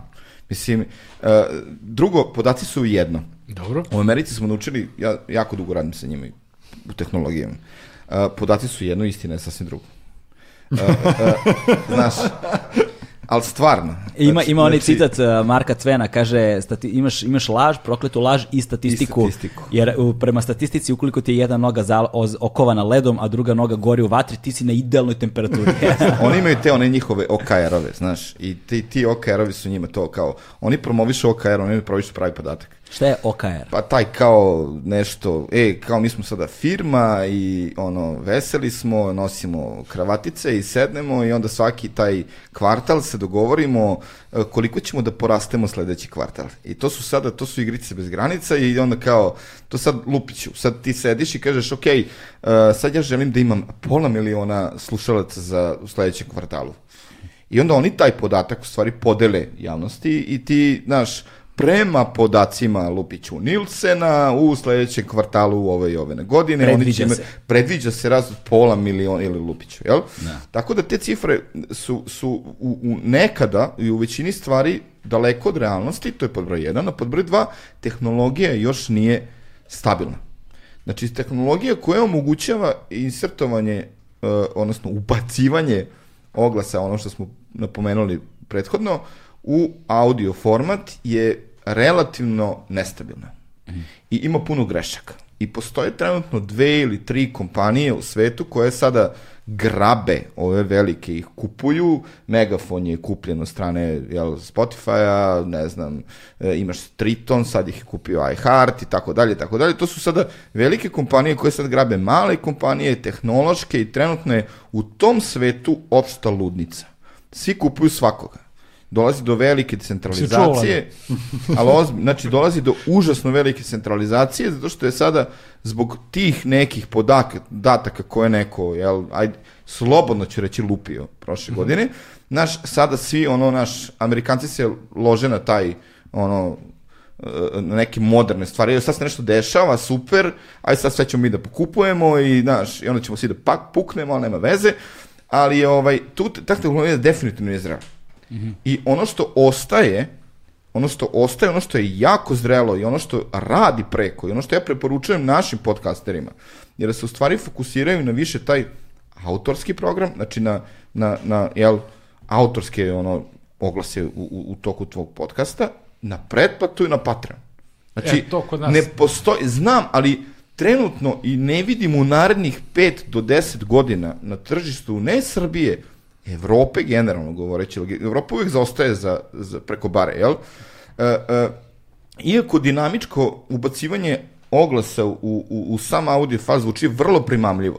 Nemaš mnogo posla, klikneš tu, klikneš tamo, kažeš ubaci, e, relativno možeš da kontrolišeš sadržaj, ali većinom sad zamisli sad lupom, slušam Galeba i odjednom mi se pojavi reklama za ono, ne znam, Pampers. Ma, Lupić, aj Pampers je super, razumeš, nego, Da, da. ne znam, ne, znaš. Za novi album znaš, By za, za, novi, za, za stišnjenu šunku. za stišnjenu šunku, ono, znaš, mislim, ne ide, pokvari mi utisak, čoveč. Razumeš? A, a je savršen, ne verujem, slažem se s tobom, ali ne verujem ni u, u crowd, uh, crowdfunding. kolektivno, kolektivno finansiranje. Ne verujem ja u kolektivno finansiranje. Ja, ja, ja ti govorim i garantujem ti da će podcast toliko osnažiti, odnosno moć podcasta će toliko osnažiti, jer zbog svih ovih stvari koje smo spomenuli. Znaš, aj kaže, ajde sad sumiramo sve ono što smo rekli. A rekli smo šta? Znači, slušalci su mnogo verniji nego u audio jel, programu. U video, Znači, audio u, nego ne, video. ne u video, izvinjavam se. Znači, nego video, video u, u ovaj, tom celom Mhm. programu vi- oko videa koji se nalazi, verni, uh, kvalitetniji, uh, više se vezuju za autora, znači, sama moć audija je tu. Jeftinije za proizvodnju i tako dalje i tako dalje, veći je reach, jel, reach, jel, Da. ajde kako da nazovem, do, doseg, do, do, Doseg domet. Manje trošiš Vuče, interneta, ne mora ti bude u, u, u, uključen ekran. E, ali tako drugi- Ne moraš, e, ali, i sad kada, kada s- ono, sabereš sve te benefite koje audio pruža, znači, de facto da će doći do promene, da će neka platforma da odluči, verovatno će to biti Spotify, koji će da ide ono, ajmo, iza, sad je, to je to. Znači, plaćaj, uh, autor mora da dobije određenu nadoknadu za to, ti ćeš da proizvodiš što kvalitetniji sadržaj, tvoje reklame koje ti uspeš da prodaš, to ti kao jel, u videoprodukciji na kraju krajeva. Ti proizvedeš je, ovaj, dobru emisiju, pustiš je na TV, jel, ovaj, dobiješ pare od tih nekih reklama, ali dobiješ pare na kraju krajeva i od, i od slušanja, Pa odnosno i od Apple gledanja podcast ide ka, ka paywallu. Da se vide na paywallu. I, i Luminar je definitivno pogodio žicu 2019. Sad, Samo objasniti ljudima šta je paywall. Pa, b, ne, ne, plati pa... plati, Pa plati, se- Plati pa se klati. klati Tako je. E, plati pa se klati, to vam je deco paywall. Ja. Kao, Ili ti Netflix, vid- kao video- Netflix, video HBO. klub, je. Da, da. to je Netflix, to je ono što naš Luminar ima moment, naj, e, Netflix za podcastove. Da. Da. Znači, kao plati i to, to ti slušaš šta hoćeš i imaš neki mesečni... E sad samo da objasnimo ljudima, a, pošto su, to me vrlo često pitaju i zbunjeni su, ovaj, iako u Srbiji nema veliki broj ljudi koji je na Spotify-u i na tim, ono, ili Deezeru i tako dalje, bez obzira što, što, što mobilne kompanije neke promovišu Deezer toko dugo, jako je mali broj korisnika zapravo. Is it? Imaš neku cifru? Deezer. Da, imam neke cifre, ali ne bih smeo da ih Dobro, dobro, dobro. Da. Može, mo- može, može kada, kada, kada, se isključe, kada se isključe kamere, I ali... mikrofoni. Tako je, i mikrofoni, ali neverovatno je mali broj ljudi zapravo u odnosu na to koliko dugo, znaš, M se dobija kroz mobilne pakete, sa mobilnim telefonom, M je bude nekada, znaš, M, M, M ih gledaju, M, M ih gu- guraju, reklamiraju godinama, godinama, ali je veoma mali, veoma mali broj u odnosu na to koliko je investirano vremena, novca, truda i tako dalje. Ove, e, a, Spotify još manje jer je samo tu, jel te, vrlo malo. Um, I zborio sam se da kažem, brate. Znaš, e, da, fora, fora, ljudi me, da, ljudi me, da, ljudi me, pita, ljudi me pitaju, a, ljudi, ljudi misle da je, kao, e, imaš ne znam koliko hiljada slušanja na Spotify i koliko si zaradio. Zato što misle da je isto kao A, da. muzika. Da, da, da. Ali podcasti se na audio platformama ne tretiraju kao muzika i oni su trenutno, barem ako si iz Srbije, free content. Besplatni su. Tako je. Pa, to je, to je ono... I to, je, znaš, I to je ono što mene ono strašno pogađa, jer ja trenutno imam baš ono do, dosta veliki broj slušanja mesečno i zarađujem od toga nula. Ali promenit Da. će se to. Da. Oni trenutno ispituju taj model. On- Znaš, oni su i Spotify relativno sveže ušao u podcast. Mm. Njima je Joe Rogan bio ono ulaznica. Gimlet. Prilično skupa ulaznica. A, ne, ali ulaznica. Znači za, Aha, za, dobro, za, da. za Da, slušaoce. jeste, da, znači da, ne, ne, ne ulaznica ovako. Ne, no, mislim, Joe, Rog, Joe Rogan je uradio nekoliko revolucionarnih stvari za svet podcastinga. Jeste. Prva stvar, komercijalizovao je podcast. Znači, podcast je postao uber komercijalan trenutak kad se on pojavio. Uh, posle True Crime-a, ja mislim da je on prvi veliki skok u podcastu zaista ogroman. Drug, druga stvar, on je, on je uveo video podcasting kao koncept. Ali samo dodao, nije to, mislim... Pa da, ali ne, on je čekaj, bio stani, prekretnica, Ne, ne, ali čekaj, znaš. ne, ne, on je, uh, da kažemo, ako se vez, pošto, znaš, kao Amerikanci vole da stavljaju te stvari tako u kutice, nove, da im daju imena kako bi mogli da ih brendiraju i prodaju. Ti si pre toga imao internet radio, koji je uredno kao i u Srbiji i tamo Ali u ne, Americi ja, si ne, imao ne, ne, kameru. ne, ne govorimo o tome ko je bio prvi. Govorimo o tome ko je napravio komercijalni proboj. Ne, ne, slažem se za komercijalni proboj, Znači, da, ali kao ono, komercijalni proboj. uveo video, tu kao, to je bilo. Ti si imao internet radije koji su imali kamere. da, jeste, kao, ali on Sećaš se ono, Jay-Z. Čekaj, ne svi- samo to, te imaš znači od Howarda Sterna do brate ono uh, ovih ovih morning shows jebote imaš ih čoveče breakfast club i ne znam Da, šta da, da. sve imaš koji rade ono baš radio u radijskom studiju sa kamerama godinama Zapravo- imaju milione pregleda ali Joe Rogan je doneo tu vrstu familijarnosti, familijarnosti, revoluciju, ono, on je, on je, on je napravio bum kakav niko njih svi zajedno zapravo nisu Jest, napravili, jest. znaš. Prvi, prvi da kažemo nešto kao ko je uspio da komercijalizuje taj jedan format je Rick Gervais. Rick Ger Gervais. Da, Gervais, da. šta god. Da, da, da. Ovaj, on je s, na, ovaj, na BBC-u imao neku svoju, to kao neki svoj talk show, a, koji je preko Odibla a, naplaćivao oko jednu funtu i imao nešto 600.000 ono po epizodi ljudi. Da, ali i Ricky dalje, i dalje, Ricky, da, Ricky Gervais, da, i dalje nije, nije, nije to ono što, znaš, ipak je Joe Rogan u tom kontekstu, brate, ono, svetlosnim će- godinama daleko, uvek znaš. će biti. Znaš, nažalost, Znači, tako je, nažalost ili na sreću, ne možemo tvrditi, ali jeste. Znači, koliko ljudi u Srbiji koje ja znam su podcast počeli da slušaju zbog Joe Rogana. Jeste. Znači, to je nesrazmerno veliki broj. Ti si prvi koji je pomenuo Ricky Gervaisa, brate. Razumeš? Tako da, za sve ovo vreme. Ja sam tako počeo da... pravim svoj sistem upravo zbog Joe Rogana. Razumeš? Ali ozbiljno ti kažem. E, momci idem. Znaš, znači, ti, si, ti, si, ti, ti nisi ono relevantan uzorak, razumeš? Ovaj, a, a, a treća stvar koju je radio jeste, sad to će vreme pokazati, ja mislim da to nije bio dobar deal, a, prelazak na Spotify. To, to Pre- je, znaš, ja mislim da je on ovaj, mislim da se tu zajebao. oportunista. Ma ne, ja mislim da je on oportunista. Mislim, da 100 miliona ne- ne može da je. zajebo je. Gde se zajebo, ja lupetam gluposti, 100 miliona čovek uzao, brate, gde se zajebo, Ti bi odbio, ti bi kao- odbio. Kao, Da, kao, odbio. e, Galeb dobio 100 miliona, a se zajebo. A, se za... Ovaj, Uh, ne, mislim, ne, ne u kontekstu njega lično kao čoveka koji je zaradio pare, nego, nego u kontekstu ono, o, cifa, ja i- i mislim, ne mogu da znam, sad mi spekulišemo ovde, ne možemo da znamo, ali zaista mislim da mu je značajno pao broj slušanja nego, koji, nego što Pa, je bio. mis, vidi, ja mislim da, da Joe, ono, se. znači sada ga se, baš se potresao, ja mislim, on je oportunista.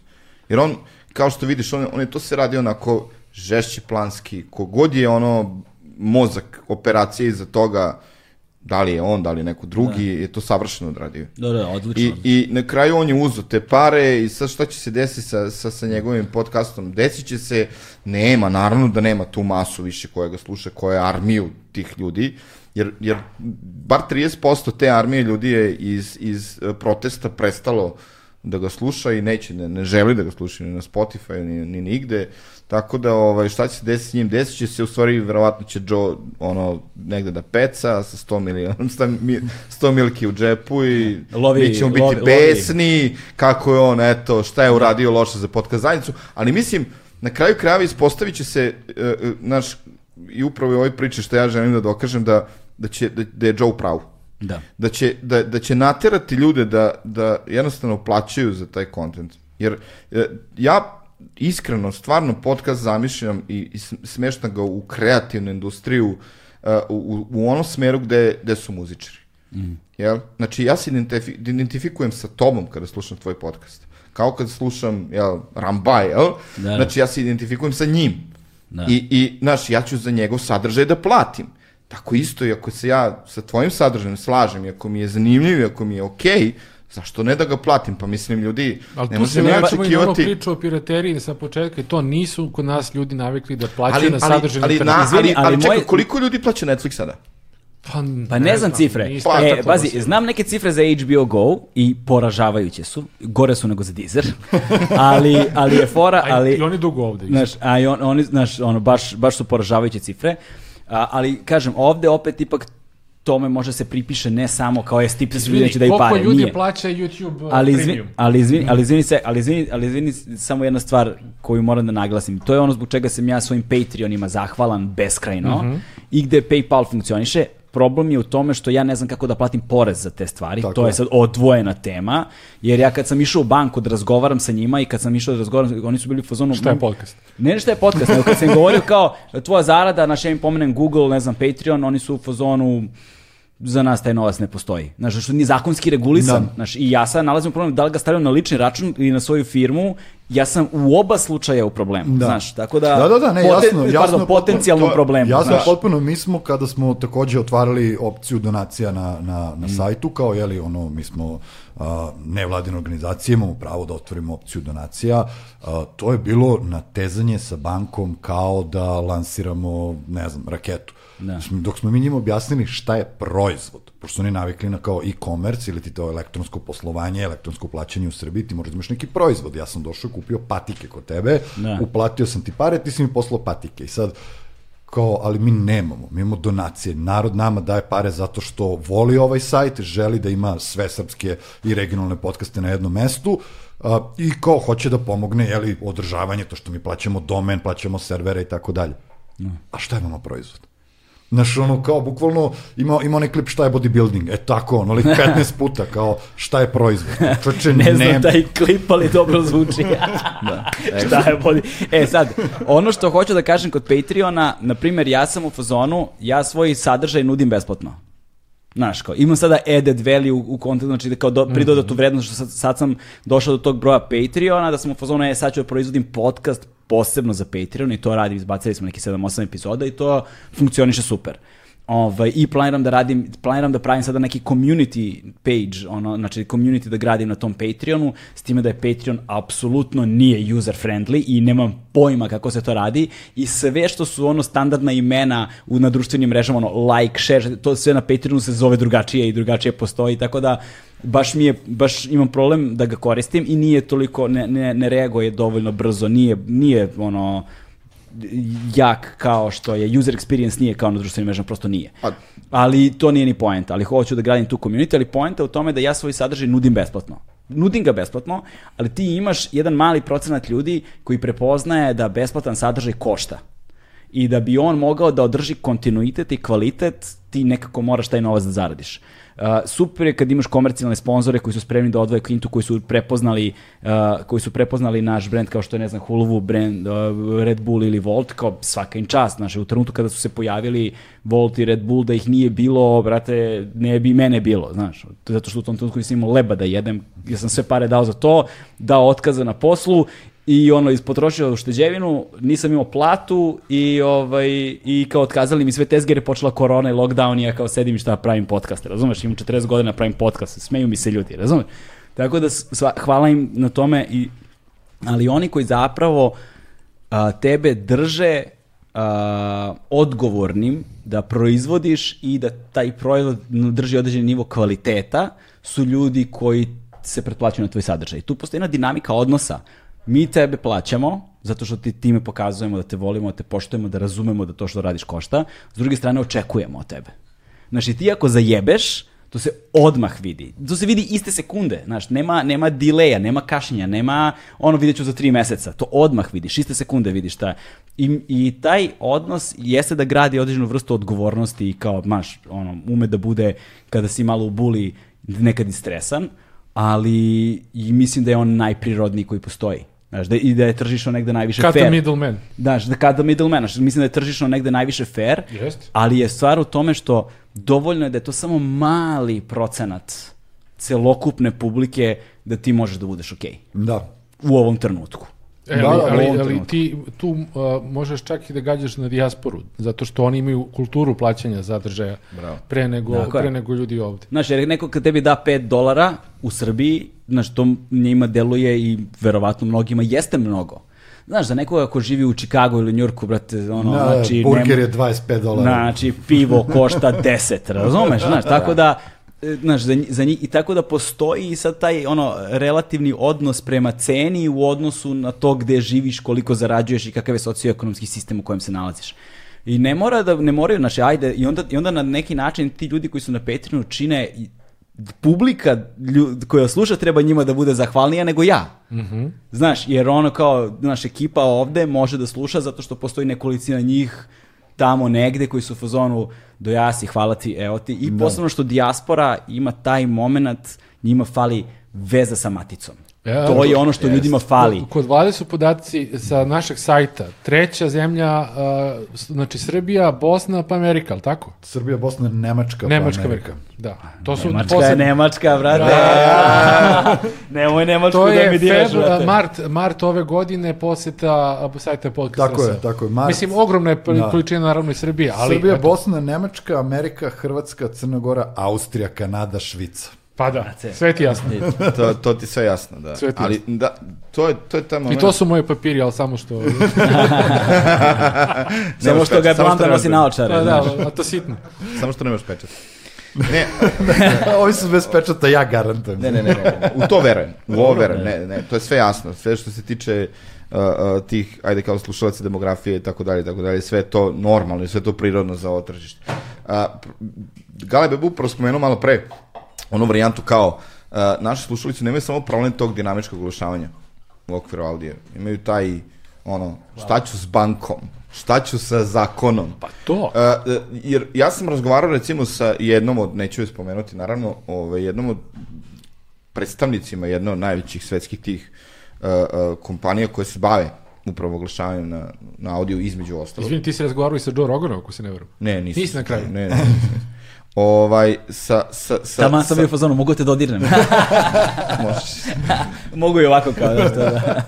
E, e, znači, point je bilo oko toga da se mi, e, da čujem šta bi mi mogli da uradimo za region. Ja, mene je stvarno zanimao region.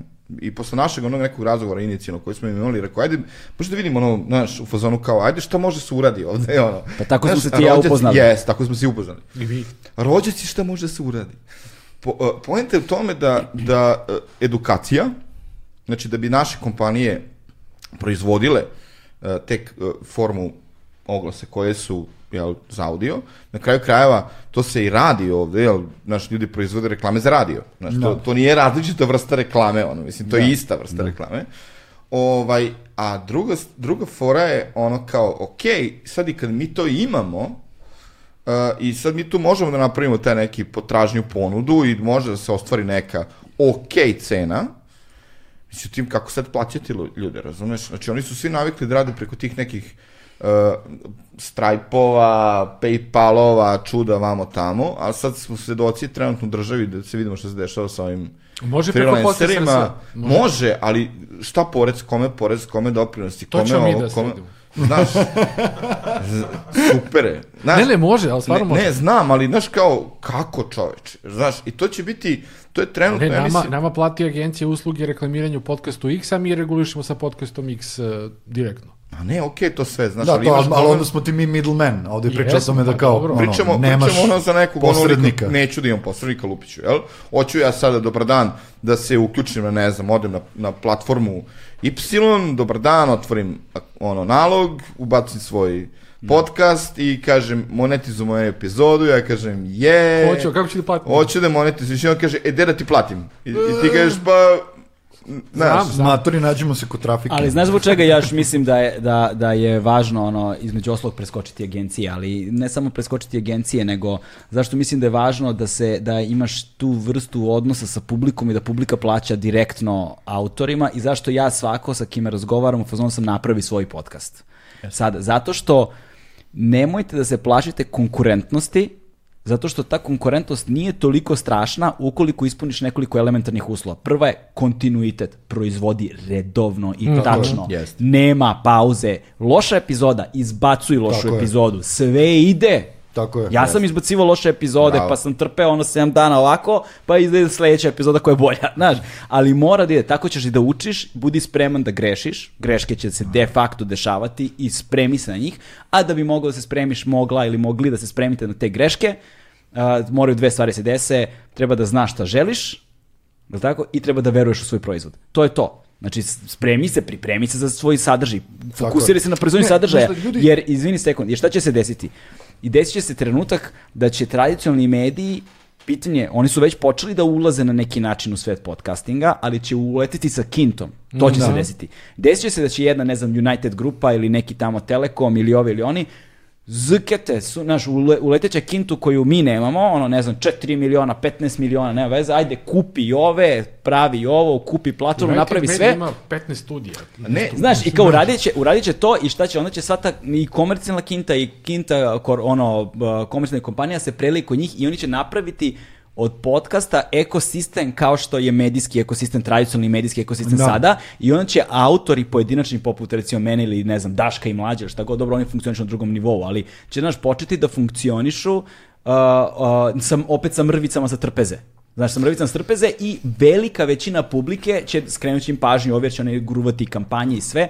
Zato je sad trenutak da svi koji žele krenu jer u, ono, u, u ono, kako, kako, što bi, znaš, što nas je više, to smo jači. Da, Znaš kako se ja Ma ne, rekao? ali ja mislim tebi se neće to, tebi će kupe. ne, Ne, Spotify 100, 100 miliona, da, da, da. 100 miliona, 100 miliona. 100, Odmah, 100 brate. miliona dinara. Sorry. 100 miliona dinara, znaš. rublji.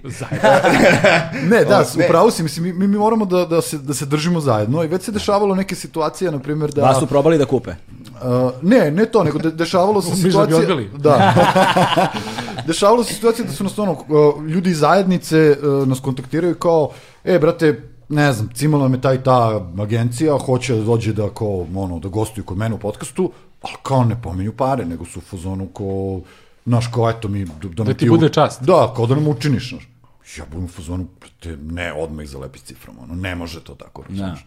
Znaš, ono, mo- mora da postoji, da kažemo, ono, um, i ta zajednica da se drži zajedno, jer suprotno oni će ono to kao jednog po jednog samo pa pa pa pa pa pa pa zdravo i što kažeš ono onda dođu svojim tenkom puni znaš šta je, para, recimo, da. i kao doviđenja Znaš šta, prijatno ono znaš šta je od recimo sebe. meni stvar, isto, stvar koju re- recimo moji Patreoni prepoznaju i, ta, e, i ono generalno publika, ja nemam plaćena gostovanja. To mi je ono, to mi stoji kao stavka, ono, među prve tri stavke mi nema. Znači, ako je došao neko iz neke komercijalne kompanije, došli su zato što ja verujem da to što rade dobro, ne zato što je ta kompanija dala pare. Da. Znači, zato, znači, kod mene nema plaćenih gostovanja, nema plaćenih tema. Znaš koliko se kompanija desilo koje su zvale i bilo u fazonu, jo, native, znaš, Da, taj da. native, da ti pričaš o toj temi sa nekim stručnim list, znaš, A, daj, bre. a da to ide u martu mesecu kad oni, eto, slučajno imaju kampanju, a da nigde ne pominjem firmu. Znači, onda, ne- može, brate, znači, bra, obrađujem teme koje ja hoću, ili se dešavaju firme koje zovu i kažu, ja, mi bismo bili sponzori, ali možda nam kažeš ko će biti sledeće četiri gosta.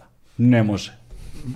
Ne može, ne može da znaš ko će da bude gost. Znači, ne zanima me. Da, ne utičeš ta- na, na sadržaj ni na koji ni način. na koji način, i, ali da bih ja mogao to da preživim takvu vrstu pregovaranja, moram da imam neku vrstu backupa. Znaš, moram da imam, ono, u slučaju da me neko, da me odjebe pet njih za redom, a desi se, Znaš, ja moram da imam situaciju da dođe kraj meseca i imamo čega da platim, ono, znaš, drugare i kiriju i, znaš, Struju za ova svetla struju i, vrt, i vrtić i šta ti ja znam, znaš. Ali zato je poenta ono, kaže, e, e, ja bi trenutno svima poručio, svi koji razmišljaju da krenu u, u nešto, kogod ima blog, ne gasi blog, ne kreće podcast. Znači, podcast je pet u glavu za blog. I uvijek će biti. Znači, ti moraš se bakćiš tamo sa nekim SEO-om, sa nekim tekstovima, E, a ključnim moraš se rečima. bakćeš i kod podcasta. Ne, možeš da se bakćeš, ali je mnogo prirodnija forma. Pogledaj sad ovo, bre. Ovo je, bre, prirodna forma, čoveče. Pa ne, neki Znaš, od najboljih se- podcasta su znaš- to, pričaju ortaci, uključili su mikrofon i Bravo. krenuli na podcast. Ja, evo, ali ja se, ja se zahvaljujući Goranu ne bakćem sa SEO. Da. Dobro, super. Ne bakćem se, ja, ne, znači, ja sam dok sam na SoundCloudu bio, ja sam te, bra, se bavio tim sranjem. Sa, by the way, ukoliko pravite podcast, nemojte da ga pravite na SoundCloudu. Ne, Samo- ne, ne, ne, Samo, to samo to, greška. kad smo je stigli do SoundClouda, nemojte da ga pravite na SoundCloudu, ja sam napravio grešku, ovo ime nagovorio. Pa da li samo to postojalo? Je li to ili Mixcloud? Ne. Da, da, ti. onda me gale, onda me gale, rekao, gde si ih ostao? A čekaj, Rekao, ali, clown, rekao, ka, a što? kad ste, kad ste se vi napravili? Niste, mislim, Ma dobro, nismo mi postojali tada u to vreme, pa postojali su drugi. pa nije, svi su bili na SoundCloudu ili Mixcloudu. To je jedino moglo, i za, sa našu platformu jedino moglo da se uredi... Znaš šta je frka? I ti imaš taj, ono, L, veliko L, neću da spomenem ime kompanije, ovaj, nek tražu, nek traže, ovaj, nek googlaju kao podcast na L, hosting na L. Da. Uh, oni su, oni su onaj kao old, ono stara škola model. Dobro. Uh, koliko, prvi koliko audio fajlova, toliko keša. I taj keš je neverovatan, tipa, ti da bi, ti da bi postavljao jednom nedeljnu epizodu koje, gde se svima preporučuje, na svaki 7 dana po jedna, tebi treba ozbiljne pare za to. I dan danas. Razumeš? A, dobro. platforma je ono, znaš, i međutim, imaš, imate ljudi gomilu Ima besplatnih sada, ali ima sada, on imaš- se žali meni pre 4-3 godine koliko, nije tada bilo, pusti. Pa ne, pazi, bilo je, ja, ne, mislim sad bilo je, znaš, nego ja tad kad sam pravio, nisam naravno nisam znao, ja napravim na SoundCloudu, SoundCloud, brate, ne sarađuje ni sa kim jebote, ništa, znači, to, totalna analitika i sve, ono, Naravno, on je pravljen za muzičare, ono, znaš, da staviš kao preview svojih pesama, pa možda uvoliš nekom, ono, izdavačkoj kući da, znaš, kao... Izvini, od tog trenutka između SoundClouda i Mixclouda uvek SoundCloud. Znači, Pa, ali, ali- ali, ali- ali naravno, meni se šta je dešavalo- došao, ko je došao, to je druga priča. meni se dešavalo da odem, Ali, izvinjavam se, ima ljudi imaju problem ozbiljan. Kada Pa prelaze sa SoundClouda, taj, taj feed, kada ga ono uvezu u te neke Ko druge... sam pa- ja predstavnik znači, SoundCloudu u da, šta me napadate? Pa ga braniš, Pa čoveč. nisam tada ništa drugo mogu da mu Naravno, možda je. Goran dobio 100 miliona dolara. Daj Bože. to, to, to, to, to, to. Tako da meni je ono, uh, što, se, što, se tiče, što se tiče dakle, po, podcasta, uh, s jedne strane, ok, da, ne bih ja rekao ljudima se retosiljuju bloga, jer ipak, znaš, ono, ako žel, volite da pišete, ako volite da pravite šta ti ja znam, super, treba, Dodaj. to, dod, znaš, ali podcast je nekako, e sad, tu je ono što si ti malo propomenuo, da jeste prirodnije i jeste negde, uh, ali tu je i greška najveća. Najveća greška mnogih podcastera kada počinju, i to je evo još jedan savjet za njih da deluje kao stavim dva mikrofona i ortaci pričaju. Ali Da. je daleko od toga. Tako Znaš, je. daleko od toga. Tako je, tako je. I svi koji su baš to uradili, stavili dva mikrofona, ortaci pričaju, to je Ali nemojte, Katastrofa. čekaj, ali ne čekaj, mora da samo, postoji jedna, samo jedna stvar. Evo, koliko se dugo mi, mi znamo, uh, pa si ti opet pre toga uzo i nazvao koje ljudi, aj se čujemo pre ove epizode, da, da, da, ono, popričamo malo. Znači, mora postoji plan i program. Zato si ti tu da jesi, zato što si profesionalac u ovom poslu. Hvala, I to ono što ljudi zaboravili, što oni misle, naš kao, a Galeb kupio dva mikrofona, stavio dve kamere, kao dovodi ljudi i pričaju, kao super, ajmo i mi sad svi tako. U svojoj sobi. Tako, znači to se ne radi. Mi kada radimo treninge, kada radimo ono edukaciju sa ljudima koji uh, ili već rade svoje podcaste ili su tek ušli u to, uh, postoji određen uh, broj koraka koje ti moraš da napraviš da bi došao do toga da tebi prvo bude u glavi jasno šta je to što ti hoćeš da radiš. A ne to kao, e, aj seli smo i onda kao, mu, šta sad? Šta da pričam? Šta posle trećeg pitanja više ne znam, što je to pre, ono, postane neko, neko laprdanje, neka budalaština, niko to neće sluša, bre. Znaš, Ili onda kao vi- pitaš kao, zašto imam 20 slušanja? Pa, brate, zato što ne valja to što radim. I, i zato, ta- tako se vi u insert coinu napo napijaste pre nego što je gost došao. da, da, da, da. Mi se barem napijamo ovde za vreme snimanja, Ne, pazi, znaš. insert coin, to je, naš, ono, to je, to je podcast u kom se pije svaki put, tako da to je... Pozdrav to za Leka i Insert Coin podcast. E, sad kad smo već pomenuli Insert Coin, hajde da pomenemo, pošto je, vi ste ono podcast agregator a, ili generator. A i produkcija. A i produkcija, bog te, a? Nisam znao za to. Pa Insert Coin je potpuno naša produkcija. A, Mislim- I koliko producira, producirate podcasta? Ono 15 sad već. 15 u principu. O, Tamo, a, slow clap, brate, nisam znao za to. Stvarno, to je nova I informacija. sad po- smo počeli sa video, imamo već dva, tri video podcasta, treba da izađu tek. Ok, ajde sad ovako da pomenemo. Koji su vaši najdraži domaći podcasti? Dobro pitanje. Dobro pitanje. Ajde, Ja, pre, ja. mislim, ja, ja, ja- siguran sam da... Meni su, meni su o, ozbiljni stručnjaci. Dobro. O, dva momka iz uh, Kruševca, danas se sam potrafio. Ovaj, uh, zato što kod njih se osjeća nekako uh, ta opuštenost i uh, uvek se ono dobro i smejem dok ih slušam.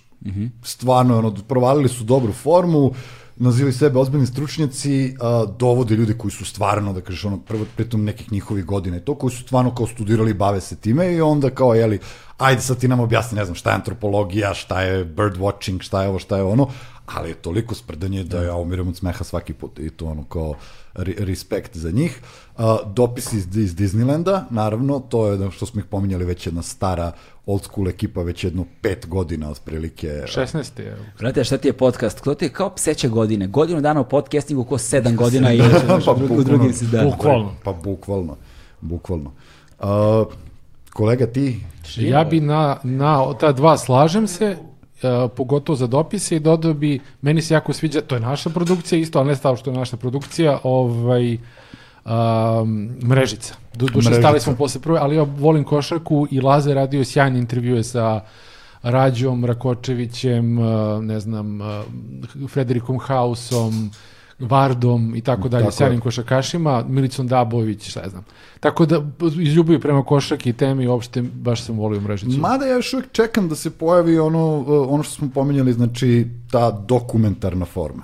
To smo ti i ja pričali. Pričat, pričat, ćemo, pričat ćemo o tome. Samo volio bih da iskoristim ovaj trenutak zato što jedan od razloga zašto sam zvao, posebno vas dvojicu, jeste zato što želim da i ovu epizodu posvetimo drugim podcastima, jer stalno me ljudi pitaju kao, znaš, koliko podcasta ima u Srbiji, evo sad ćemo da pomenemo gomilu njih. Tako je. Da, Ono, i, I da ih podržimo i da se nadamo da će ljudi koji nemaju naviku, veliki broj ljudi nema naviku slušati podcaste na, na domaćim na re- jezik, jezicima ovde prostora, um, na našim jezicima, dakle, da ih, da im, da ih uputimo, da im otkrijemo gomilu novih podcasta, A eto, pa ću kod vidjeti... nas imaš znači 170 podcasta, od jedno 20 koji se bave vestima, politikom i to. Imaš jedno 50 sportskih, dosta o košarci, futbalu, američkom futbalu, Vaterpolo. vaterpolo i tako dalje. Ja nisam neki veliki fan sporta, ali pozdravit ću Miloša Jovanovića, on ima šestu ličnu Tako je. Tako, na on, je, on je baš ozbiljan stručnjak, koliko sam čuo od ljudi koji se razumiju u sport. Da. Tako je. I tako- basket, recimo odličan podcast o NBA-u, na primjer, između Da. ostalog. Pa onda imamo dosta a, podcasta koji se bave nekim sociokulturološkim momentima. Znaš koga, kad da ne skrenom sporta, moram pozdravimo Jercega. Tako je, da ne, tako znaš, je. veliki, veliki Infinity producent. Lighthouse Tako. Production. Ovaj, Da, veliki, veliki doprinos opšte podcast sceni dao u Srbiji i uspeo je nešto što je ono velika stvar, a to da se podcasti, da se podcastima priča na veoma gledljivoj TV stanici. Onda imamo uh, podcaste koji se bave to, dakle imaš, uh, ne znam, uh, psihologija, društvo, razgovori, problemi, razni ne znam, od problema. Da, da, da, ne, ba, mislim, stvarno, bukvalno ono najrazličitija ne znam, situacija ne znam trenutno. uh, ono kada smo mi kretali, znači negde kraj 2019. početak 2020.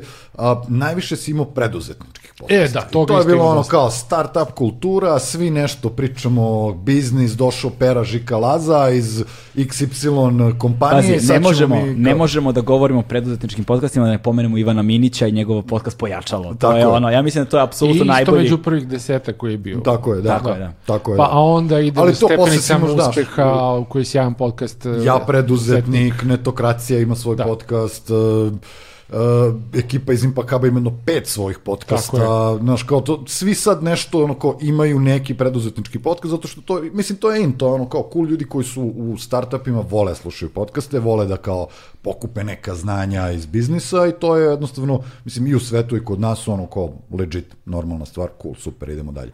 Sport, naravno, takođe, ljudi vole uh, sportske podcaste, pogotovo ako su kilometarski, to kao, ajde, sedi i uh, analiziramo ovo kolo, ne znam, ABA lige, naredna četiri sata, otprilike, znaš, kao tako da, to, to je isto jedna stvar koja je dosta popularna. E sad, uh, ono što smo mi videli na, na početku, što je dosta zanimljivo, je da je uh, nevladin sektor, uh, u Srbiji to prepoznao i bukvalno ono svi su skočili odmah na to, na podcaste. Oni su svi to ljudi prepoznali kao uh, jedan novi kanal komunikacije sa svojim publikom i jedan novi kanal na koji će oni, uh, putem kojeg će oni moći da podele svoje istraživanja. Tako da Share fondacija ima svoj podcast, Trag fondacija ima svoj podcast, uh, Hemofarm fondacija ima svoj podcast, Vlade Divac fondacija ima svoj podcast. Uh, pa onda krećemo dalje ovo nezavisni mediji. Danas, Betafonet, Pištaljka, Krik, Krik Istinomer, NDNV, NDNV, uh, naš ko, Aha. Ne, nezavisno društvo novina Vojvodine. Tako oni čak imaju jedno 3-4 podcasta. Tako je, tako je. Pa oni imaju podcaste na jezicima nacionalnih manjina. Da. To je su isto kod nas, znači... Da, mi imamo zapravo koliko? Jedno 4-5 podcasta na jezicima nacionalnih manjina. Slovačkom, rusinskom, mađarskom. Mađarskom dva, recimo, tako nešto. Da. Da. da.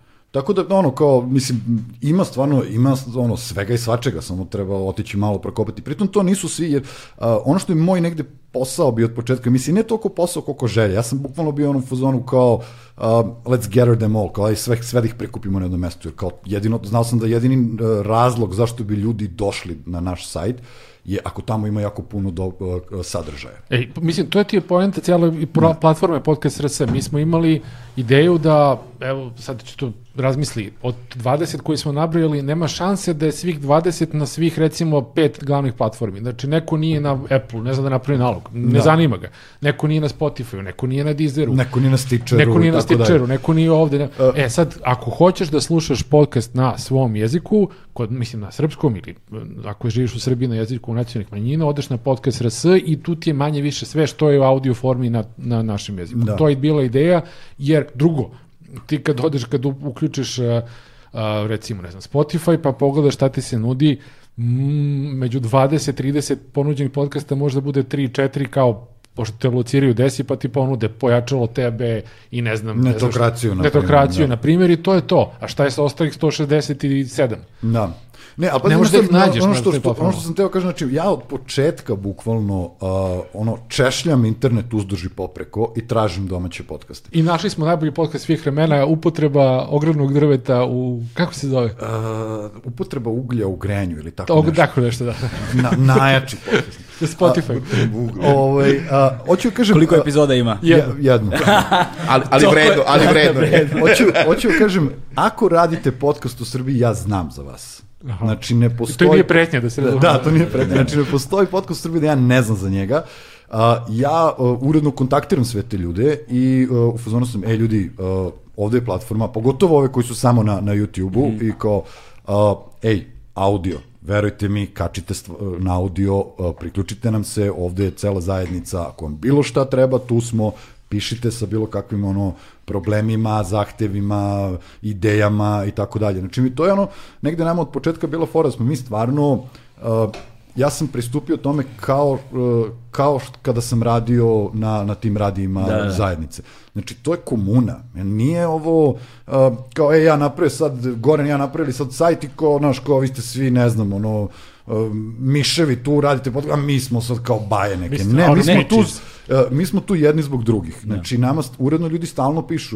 Uh, od toga da kao, ne znam, par puta smo ti ono prosledi neko pošalje ideju, e, kao im za Galeba super ideju, kao ko bi bio gost ili ne znam, neko... To gale sam- briše brodo neko. Da, ne, ne, ne, ne, Znaš koliko dobijam tih dnevno? Ovaj, ne, znam, a- koliko ljudi mi predlaže Ali goste. to, znaš, ono kao, ja, stvari to, da, na primjer, ljudi, ljudi nas doživljavaju kao medijsku kuću. Oni misle da, su svi ti podcasti naši. No, da, da. Znači, onda nam pišu i kao, e, super vam je bila poslednja epizoda, ako biste mu, ko, koja epizoda, čoveče, znaš, kao, ne, ne pojma ko, koji od ovih 170 podcasta ti misliš. E, ne, ali dešava se to uh, sa podcastima s obzirom na atmosferu koju podcast podcasti mahom imaju, ne računamo news, to, mada i oni često to mogu da budu, ovaj, jeste ta, to osjećanje familijarnosti, prisnosti, bliskosti, prijateljstva i šta ti ja znam. Čekaj, evo ti, brate. E.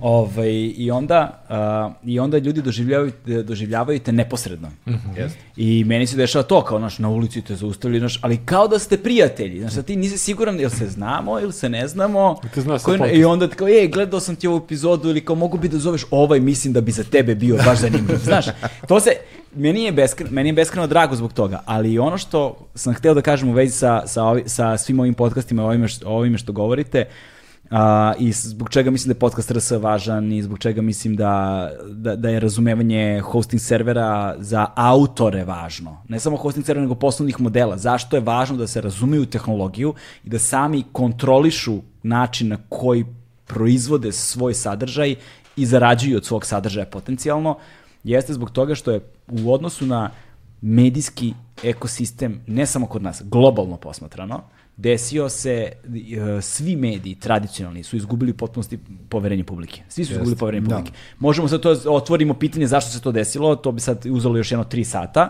ali da, ajde, stavimo to nekako na stranu i kažemo da kad svi tradicionalni mediji su u potpunosti izgubili poverenje publike, mi više ne znamo kome da verujemo, na koji način da verujemo. Uh, uticaj politike, uticaj komercijalnog novca je promenio u potpunosti tradicionalne medijske sisteme i sadržaj tih sistema, tako da mi više ne znamo da li je neki članak koji čitamo zaista važan ili je reklama. Da. Dotle smo stigli, da mi više da, da. ne znamo, a u vesti, pazi, u vesti više ne verujemo, znaš, da su uopšte vesti, znači fake news i spin, da ne govorimo o tome. Tako da podcasti su postali prostor slobode koji se otvara. Poslednji. O, po, znači, trenutno jedini prostor slobode u medijima se nalazi u podcastima. Ali negde zato što su podcasti delimično, delimično zato što su i dalje underground. Da bi oni ostali prostor slobode, onog trenutka kad izađu iz undergrounda, kao što su u Americi već izašli iz undergrounda, ovaj, mi moramo da razumemo da svaki autor bi trebalo da vodi, nauči kako da vodi računa o sebi i kako da vodi računa o svojim ono, kolegama podcasterima. Tako je. Znači, to je ono, znači da negde se održi taj duh zajedništva i komune na jedan način, na drugi način da se obezbe, obezbedi mogućnost zarađivanja tako da mogu da žive od toga što rade, ali da ostane odgovornost na njima da to što rade bude beskompromisno i transparentno na kraju krajeva, znaš, tako da, Da. zbog toga su platforme kao što je Patreon dobre, zna, između ostalog, znaš, zbog, zbog toga su paywallovi jel te, naš, na primjer, naš dobri, kada biste vi mogli da ponudite u jednom trenutku kao Netflix da postanete, da podcast RS postane kao Ali Netflix, nema šanse. Malo Ja sam- vam je nezgodno to tačka RS ako hoćete da Nemoj- pokrivate da, celokupan nema region, brate, znaš. Nemoj da nema šanse. Nemoj da ja nema mislim, šanse. Ja, ja mislim da... Ne, znaš, ja sam, znaš šta, ja sam, ja sam čak razmišljao kad sam vidio da si ti stavio na Patreon i bio u fazonu kao uh, Patreon ekipa dobija, jeli, podcast dan ranije. ja sam odmah rekao Goranku, čoče, aj, aj dogovorimo s Galebom da imamo kao, da, da nađemo lovu, da mu platimo da, brate, bude i kod nas dan ranije. Ko šta, ono, ko, ne, nek ide posle Spotify, YouTube, ovo, ono, ali nek bude i kod nas dan ranije. Jer to je onda naš kao, a mi, jeli, sa svojim, kao, sa svojim Ne, ali zašto ne, možemo bi, to da, ne, da, da, zašto ne biste napravili varijantu da okupite nekoliko podcastera koji bi vam davali ranije epizodu u, isto, u istom danu i da onda samo kod vas Znači da ja mogu da nudim svoju, na primjer, ranije na Patreonu za svoje Patreone, ali recimo dam vama i da još, ne znam, 5-6 njih koji su, ne znam, slušani, da vi nudite u okviru svojeg ranije da se sluša kod vas, a da vama plaćaju na Patreonu. Da. ne meni, meni ne treba, evo ja vama dajem, razumeš? Znači, znaš, kao nije, nije point o tome, nego je samo point o tome da negde postoji kako bi, nekakva solidarnost, jer to nisu, kada posmatraš pojedinačno nikakve pare, Znaš, ali kada posmataš u agregatu, mogu da budu. Tako da ja zapravo ne oduzimam sebi iz usta ni na koji način, apsolutno ne. Pritom što je ono što ljudi moraju da razumeju za Patreon, jeste za Patreon faza 1.0 Patreona. Odnosno prvi ljudi koji su na Patreonu. Ja znam svoje ljude koji su mi došli na Patreon prvi ono po imence i evo, pozdravim ih ovom prilikom, ovaj, nemojte da mislite da, da, da sam vas zaboravio da ne znam ko ste. A, fora, je, fora je u tome što su ti ljudi, ljudi koji ti pružaju support, odnosno podršku. Dakle, to je ta prva, prvi talas ljudi, 1.0 razvoja takvih platformi je ljudi koji prepoznaju, koji mogu da plate, žele da plate, ne zato što žele nekakvu ekskluzivu, nego zato što žele da doprinesu. Vrlo je mali procenat tih ljudi, ali Mm. postoje. I koji Da, daju da. snagu Dobro, to za su dalje. ljudi koji su nama Znači, dali to, donacije, nije ni to postoje, sporno. Postoje. Da, Znači, da, Ti da. ljudi postoje. Znaš, Ne, i pa mi postoje smo- ljudi, i mi- postoje, čak postoje ljudi kojima je ono, uh, Patreon, neću to, evo tebi donacija, vato i gruniti neku jaču kintu, razumeš, ono, za vino vidim da voliš crveno vino, razumeš? Da, da, da. Desi se. Znaš, Da, ja da, sam mi, mi, mi, nismo, mi, nismo, mi nismo verovali isto kad smo otvarali opciju donacije na sajtu, nismo verovali da će to funkcioniš. Mislili smo ko će pravo da, ko će platiti. Zato što dolaziš bez ulice, razumeš, nisi navikao tako Da, stvari da, postoje. da ti neko, da ti neko da za pivo, Da, znaš kao. bio, si, bio si MC na Drum Bass žurkama, vrate, u dolaru, razumeš, šta da pričaš, bre, čoveče? šta, tamo smo se za pivo grebali, a ne nekome da dajemo donaciju, razumeš, tako, ali to je. Pa dobro, da, da. A mi ne polazi od toga da li bi dao nekom ili ne bi, nego je Pritom- čisto i ne vjerujem da pritom- tržište to može da, mislim. I, ali možda ne ovo ovde tržište, ali opet mislim da ljudima u Srbiji, i u Hrvatskoj, i u Bosni, i u Makedoniji, u Crnoj Gori, treba im dati sadržaj, nemaju ga nigde. Tako je. Nemaju bre Pogotovo ono što se sadržaj. rekao, koji nije pod uticajem politike, komercijalnih eh, sponzora i Tako ostalo, je, na taj neki ga. način da utiče na sadržaj. Kao što, da, Pa vidi, to u je velika Americi ti oko podcasta sve oko demokratizacije sad, ono, sadržaja i reči, jel? I kod njih je ta fora kao, uh, super smo, možeš da pričaš, ono, da daš snagu svog, jel, svog mišljenja, da, da ga iskažeš putem audio materijala, da ga, da ga ono, proslediš publici, jel, i cijelom svetu generalno. Znači, i to, i to je kod nas treba da bude taj, taj, Pa dobro, taj deo da... jeste, Mada pa, su- jeste. Pa pazi, ti ovde Ali- napraviš, ne znam, televizijsku emisiju, ti ideš na televiziju, televizijsku stanicu X koja možda nije u njegovom kablovskom ili mom kablovskom operateru. Znam, ali- imaš urednika, imaš uh, sponzora koji ti kaže posle dve godine prestaje da spozorišem emisiju, urednik kaže sorry, ali ja ne mogu da plaćam ako nema sponzore i ti si ugasio. I Ti tu je sad- razlika između radija i podcasta. Da. Da. E, a tu onda ti kod podcasta gineš, dođeš do toga da sam budeš samo drživ ko galeb i ne daš, ne daš, ne može niko da te ono izbaci iz bilo Bravo, čega. bravo. To je ogromna razlika. Evo, bili, je- bili smo u utisku nedelje. To, e, da, to si mi napisao neki dan, da. Da, da, da. da, Da, ali e, ja mislim da je, je ljudi što sprečava da krenu podcast ovde u Srbiji, je upravo taj moment monetizacije. Njima su svi kanali monetizacije generalno na internetu poznati. Poznati im je taj Google model gde kad postaviš svoj blog, sajt, staviš neki kodić tamo malo, pa ti imaš neke reklamice, pa ti ljudi klikću. Pa 100 dolara. Znaš, pa 100 dolarića, pa kao super.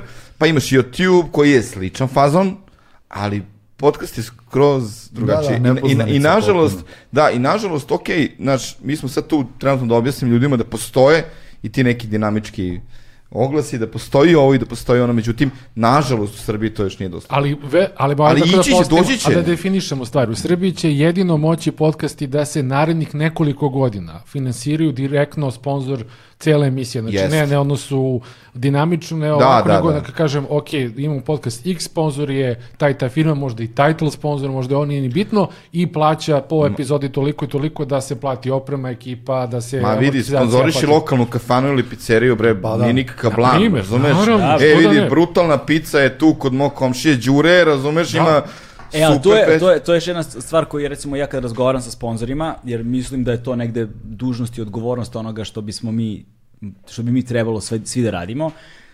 Hoćeš da budeš sponzor, može, cool, ali kao razumi da moramo da ostavimo prostor ako prepoznam recimo neki startup ili neku kompaniju lokalnu, ono to kaže pizzerija, restoran, ali mogu da budu ljudi koji se bave ovim milionima, koji nemaju kinte, ali rade neku stvar koju zaista verujemo da je dobra.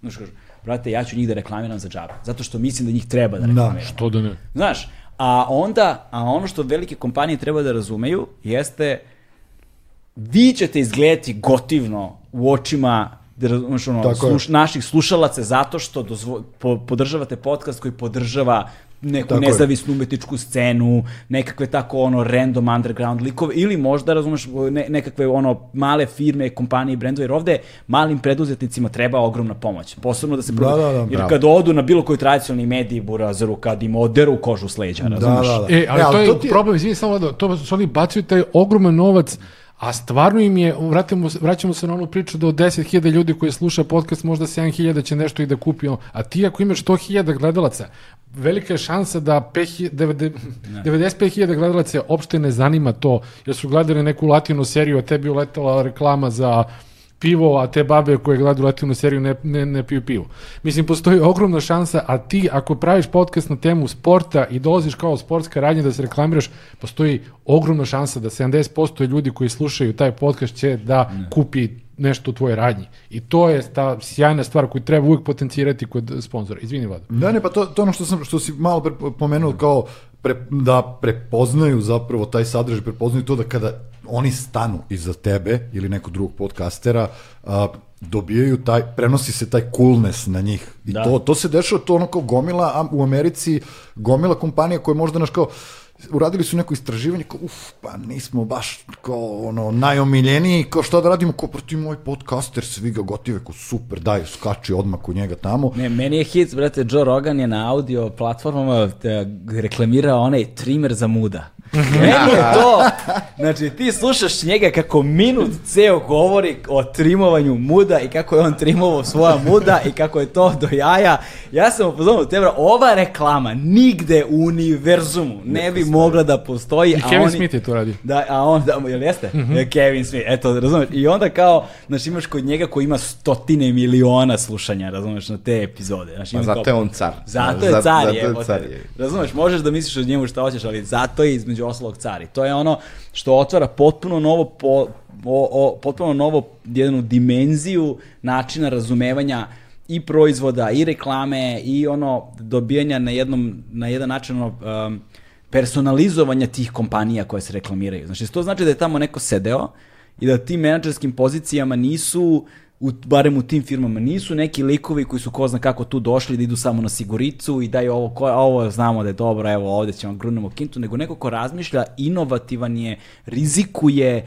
z- Malo ih je. Malo, Malo ih je. ih je. Iskoračuju neki nepoznat teren i ljudi koji u ovom trenutku, to će se verovatno vremenom promeniti, znaš, ali ljudi koji u ovom trenutku to prepoznaju, ovaj, To je, oni- romantizuje te malu situaciju. Ne, to je sve kako- super kad mi pričamo, kad dođeš na sastanak sa predstavnicima agencije, on kaže... "E, pa Da, znam, zato, pa." ali zato mi ne gledamo da ne pričamo sa agencijama. Tako je. Dobro. Ali ne, opet Bravo. pazi, imaš, imaš situaciju... Ne pričam barem sa agencijama, o agencijama Da. to ne Barem ono što smo mi što smo mi uspeli kao da da malo istražimo, radili smo neke fokus broj. grupe. E,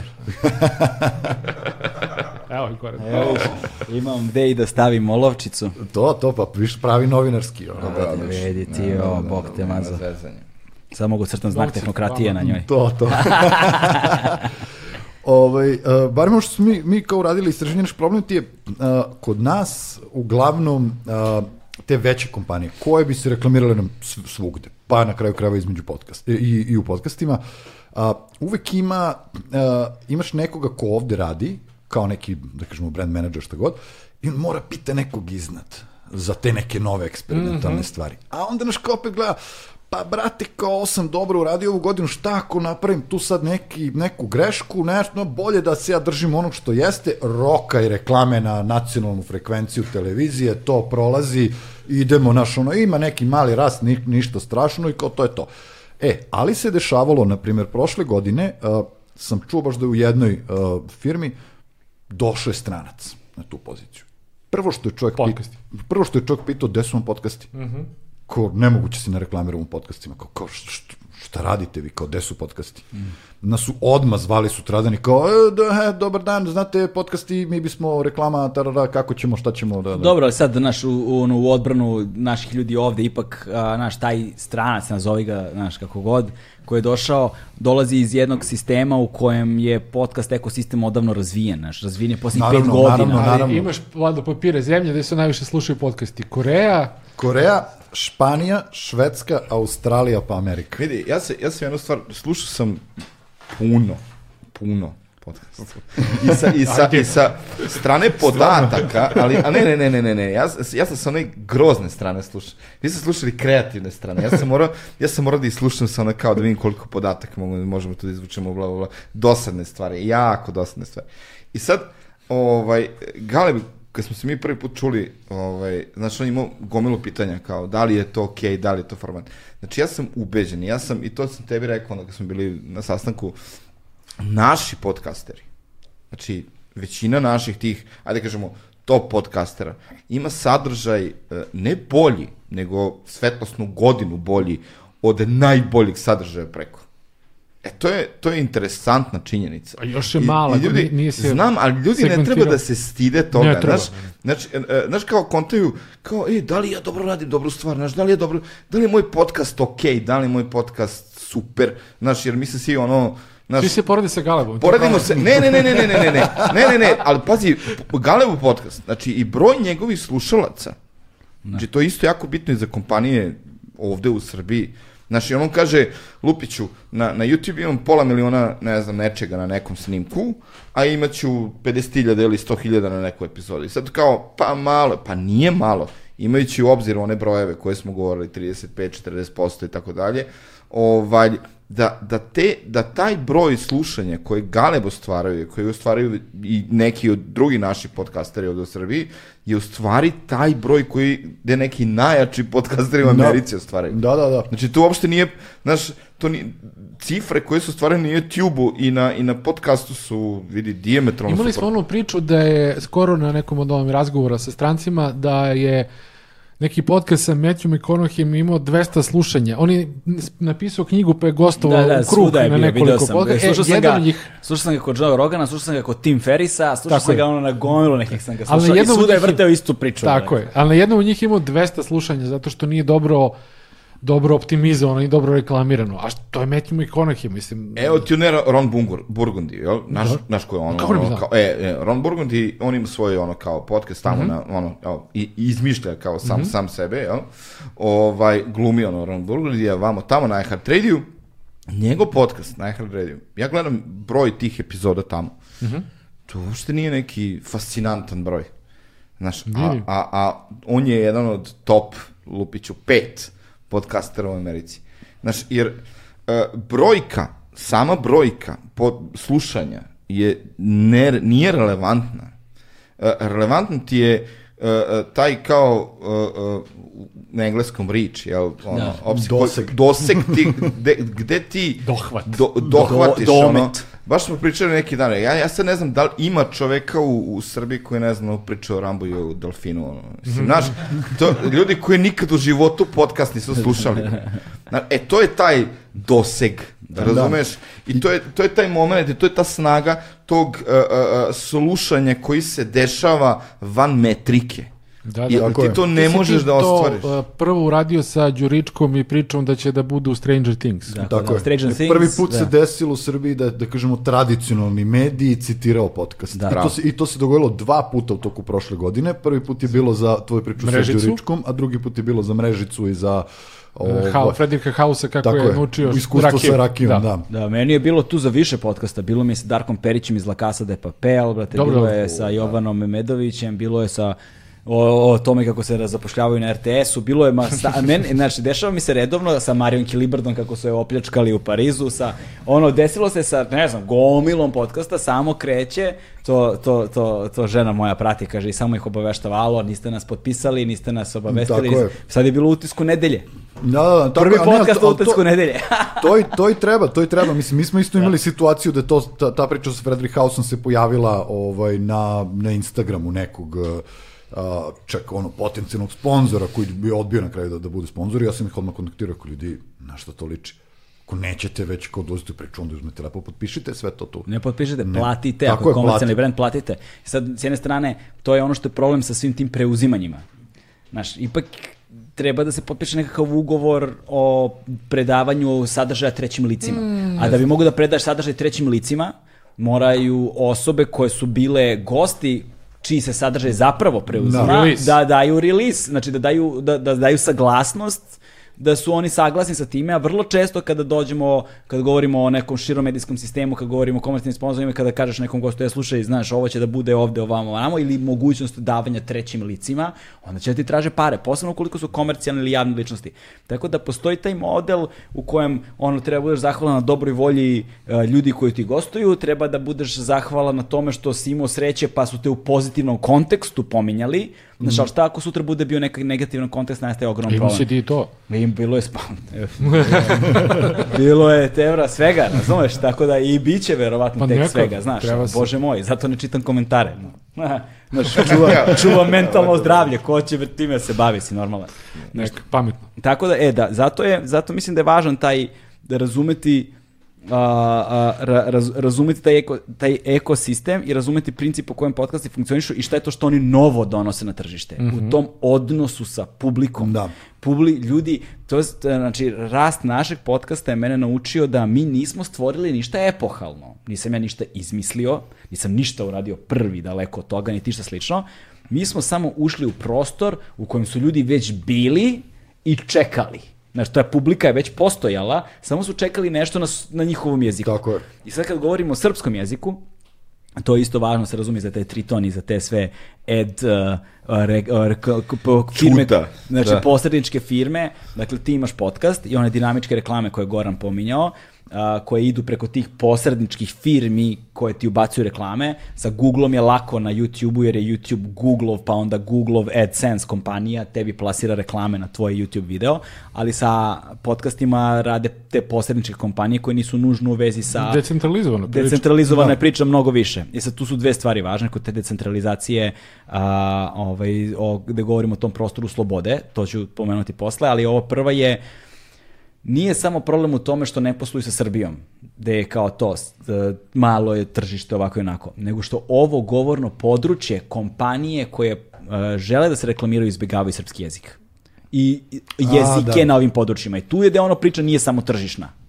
Znaš? Nije samo ni srpski jezik, oni Pa da, izbjegavaju to i je- francuski jezik. Mislim, na, naš, Aha, da. to, E, a meni nije jasno zašto recimo stvari koje su univerzalne, zašto Squarespace koji se neviđeno reklamira u američkim podcastima i koji ja isto tako mogu da kupim iz Beograda kao neko iz Njurka ili iz, u Parizu ili u, ne znam, bilo gde, nije bitno.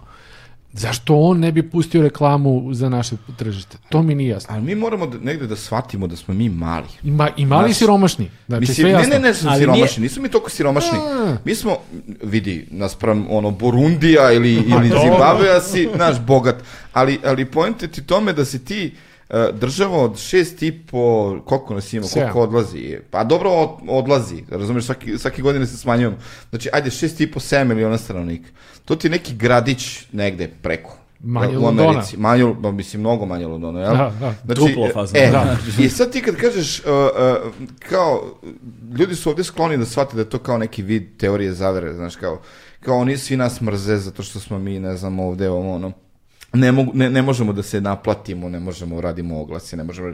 Ne, druže, uh, uh, ima nas jako malo da bi oni infrastrukturu tebi prilagodili. Mhm. E, e, i da bi ti sada servirao neke oglase koji su Ili ono, ovu, kako se bazično zove, srpski. skidanje transkripta, isto to tek. Ne, da ti ne govorim, jer, Da. jer ona, ono, moja firma se bavi se time, Znam, znači znam. radimo transkript audio sadržaja. Meni treba prijatelju godinu dana da se ja fokusiram na srpski da bi ja njega transkribovao Ili za bilo koji jezik. za bilo koji jezik, Znači, pr- ali srpski što šta se mučim? Sa, sa, si sa srpskim i sa našim jezicima su posebne pro, problemi, hajde sad malo ono kao lingvistički, dakle, Ajde. pored padeža i te kongruen, kongruencije, kongruencije kategorije, Da. jer mi zapravo glagole slažemo o, sa imenicama u rodu. Tako da ti kada pomeneš, na, na, za razliku od engleskog jezika da toga nema.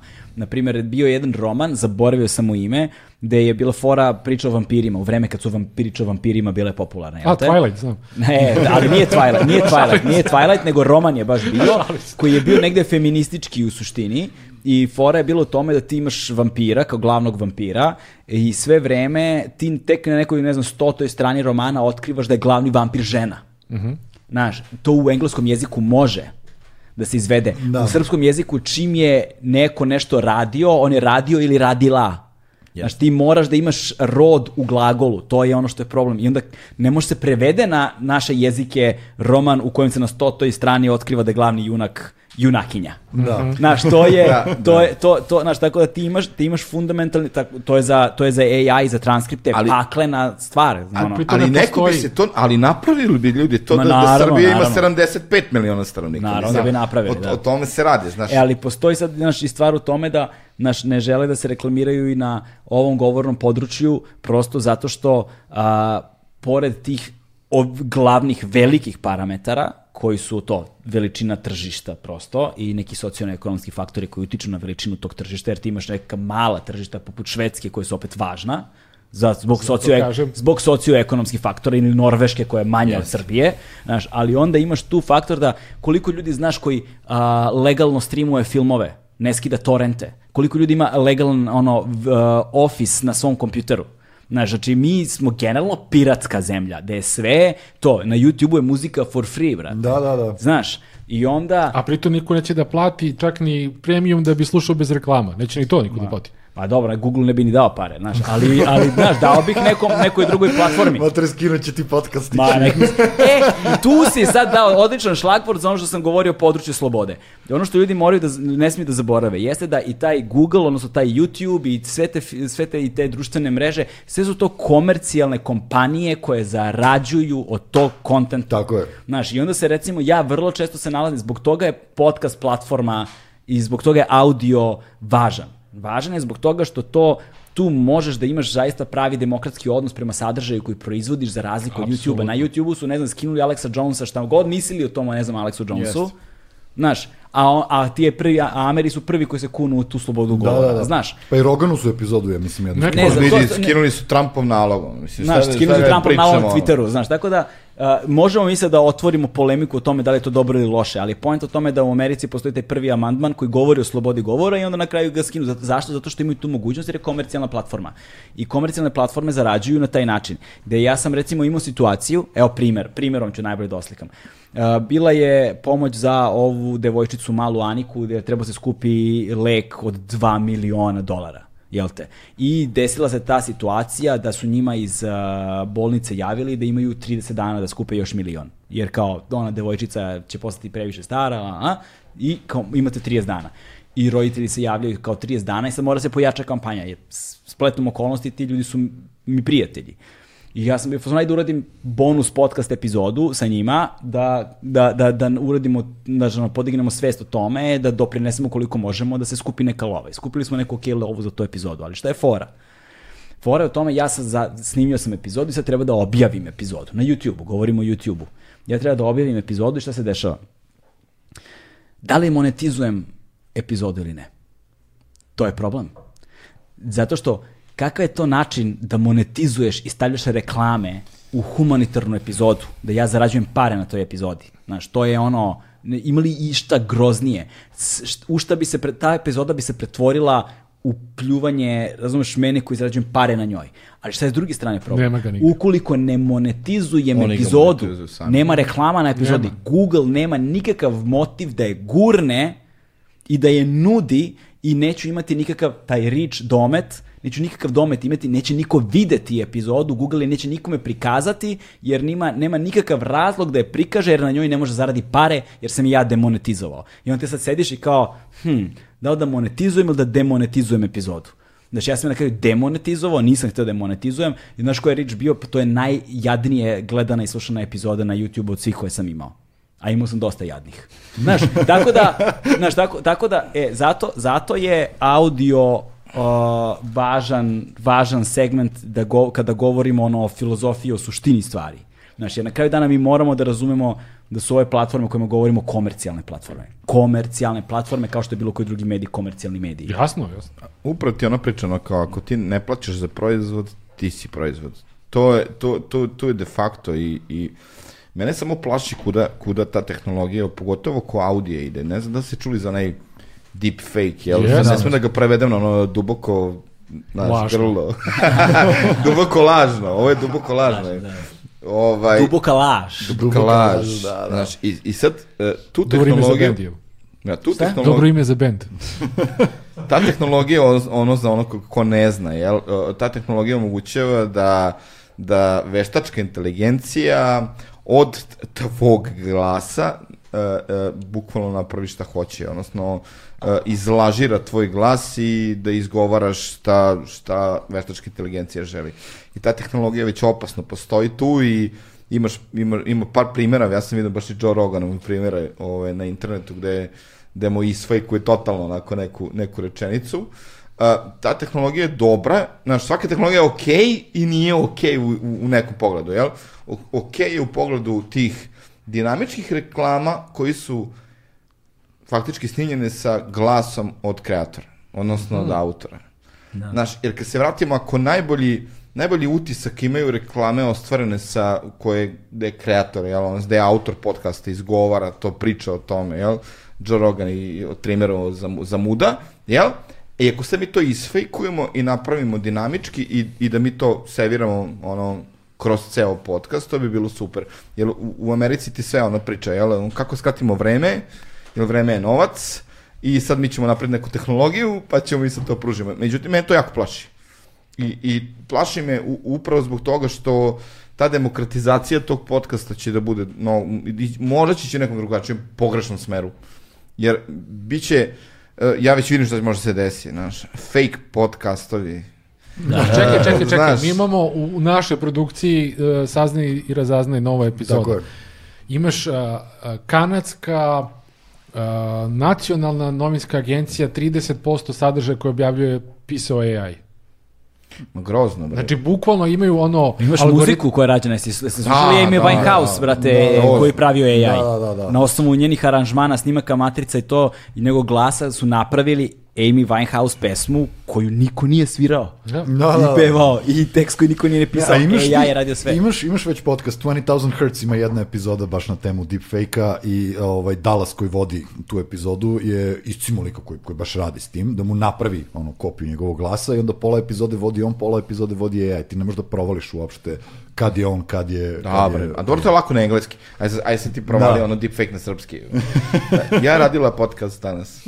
da, da. Pa još dodaš da. novosadski akcent. Da, pa i, Gari i bilo je. Da. Gari sa niškim akcentom i onda sve dođavola. to je, to je, to je situacija. Tako da, ajmo sad da nekako da sumiramo ceo ovaj Naravno. razgovor, razgovor da ima smisla. A, Dakle, što se podcasta, podcast zajednice tiče, što se podcasta kao formata tiče, dakle, podcast je najbrže rastući medijski format uh mhm. -huh. na svetu i s time da ti mi u ovom trenutku imamo preko 2 miliona globalno podcasta, od čega je više od 50% nastalo u 2020. godini, što govori o eksponencijalnom rastu toga.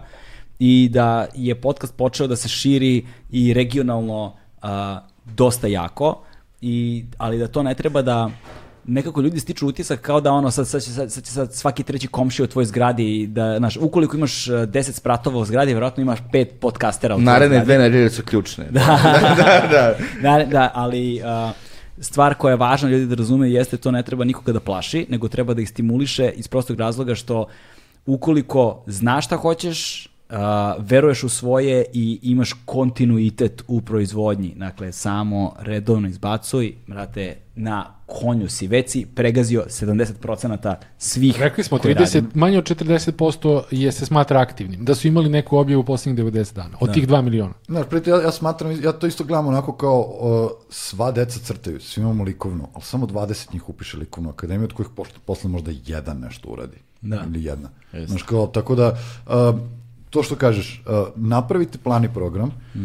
Potrudite se da shvatite šta je to što biste vi radili da vas probude u pola noći, u, ono, u pola dana, uh, šta je to što vas suštinski interesuje. I onda radite podcast o tome. I onda vam nikad neće biti dosadno. Nema veze da li je to, da li su to ono biljke ili je to ili su to knjige ili su to kao upoznavanja s ljudima, pričanja, priča šta god. A, nađite ono što vas suštinski interesuje, što ćete uvek želeti da radite, da pričate o tome i da slušate, a, to radite, radite dobro uh, istraživanje i to što kažeš, nema prestajanja, znači stalno izbacujte novi sadržaj. Nemojte se plašite greške. Evo, uh, baš ti znači prošla ona epizoda, pretprošla zapravo sa Rambom, a bilo je ko grešaka, kako je to, 60 koja? Da, 70, 70, 70 neka 69, 70, da. Znači, to se dešava, greška je, ono, pritom u podcastima greška je poželjna. To onda da znaš da tu radi stvarno... Da nije AI. Da, Da nije, nije AI, da, da to radi AI ne greši. Ovdje, znaš, kao, uh, u, ti na, ne znam, nacionalnoj frekvenciji nemaš baš mnogo grešaka. U podcastima imaš i to je super, to ti nekako ono kao demistifikuje tu celu priču kao da je sa to, ne znam, bog zna kakva profesionalna ekipa. Ne, to su super, to su ortaci, seli su da rade, snimaju nešto, super je priča, ja se osjećam deo toga. Tako da greška je skroz ok, da. nemoj da se plašite toga. Onda sve je bitno, znači obratite pažnju na zvuk, obratite pažnju kako distribuirate, na grafičko rešenje, na show notes i ostalo, nemojte da kao, znaš, pustio sam pa će to samo od sebe da radi. Neće samo od sebe da radi, Galeb se ono, iscima po ceo dan i oko društvenih mreža i oko publicity na ovaj ili onaj način, ok, ali uh, je, ako je kvalitet doći će do publike, ali morate da se potrudite. Nije isto da li bilo jedan ili 170 ili 2 miliona podcasta, nekako mora da nađete svoje mesto. Sa tehničke strane izaberite besplatne platforme, Tako je. gomila ih je. Znači, nemojte se bojiti da, da, da što je nešto besplatno. Ok, možda ste vi proizvod, možda niste, ali na kraju krajeva, pošto je podcast još uvek mlad, čak i u tehničkom smislu, izaberite ima gomila besplatnih platformi, hostite tvoj sadržaj i pratite sva ona ostala upustva koje su vam Vladimir Goran upravo rekli, čak i normalno i Galeb, jel? O, kopirajte Galeb. ovaj, e, e, e, I nećete pogrešiti. Samo je upornost se isplati, a upornost se uvek isplati. Mm -hmm. Da, I to je, znaš, na, na kraju dana se sve svodi na to, uh, svi znaju da trče, mali njih postanu, broj postane atletičari, uh, svi znaju da pišu, mali broj njih postanu pisci, znaš, svi zna, znaš, i to su stvari koje se najmanje vrednuju zato što deluju kao da su toliko lake da su dostupne svakome i da to svako može da radi. Svi kažu, ma šta, stand-up komičari, to vreme je, imam ja drugare, znaš kakve viceve priča, razumeš? Ba to, izađi na scenu pa da te vidim. Znaš koliko mali broj njih, ono, znaš, koliko to, koliko zapravo te najjednostavnije stvari se najteže postižu. Jednostavnost se zapravo najteže postiže. Ono što deluje da je olako urađeno, to su profesionalci koji su potrošili mnogo godina života da bi stigli do toga da to deluje jednostavno. Tako. I to je ono što je zapravo fora u svemu tome. A do te jednostavnosti koja tako deluje se stiže tako što si napravio tonu grešaka, izblamirao se milion puta minimum, znaš, pretrpeo tonu sranja, a da bi pretrpeo tonu sranja, da bi pregurao sve te greške i uspeo da naučiš iz njih, treba da veruješ u ono što radiš i da znaš šta je to što želiš da postigneš. Dakle, to su dva osnovne stvari i onda ona juneća, upornost, šta god. Is... Brate, meni su se smejali, razumeš, ja sam sa pozicije glavnog i odgovornog urednika, sad do ja plate, ono, plaćeno firmin auto, mm -hmm. parking u centru grada, znaš, ceo fazon, Sećam se tog poziva kad si me zvao, brate, dajem otkaz, ne mogu, ne. idem da se bavim podcastima, yes. dobro, stani, Znaš, čekaj, ajde, dogovorit ćemo se meni polako. se vidi smeju, kaže, vidi ga ovaj, vidi ga ovaj, buda, prijatelji bre, bliski prijatelji dođu i kažu mi, sve će postaneš youtuber s 40 godina, majmune jedan, znaš, budalo jedna ćeš da pod... šta ćeš radiš podcaste da snima, budale, si ti normalan, brate, znaš, imaš bre porodicu, bre, buda, znaš, i šta sad? Sad su prvi, e, brate, znaš, bi mogao mi sediš neko gostovanje, ovo.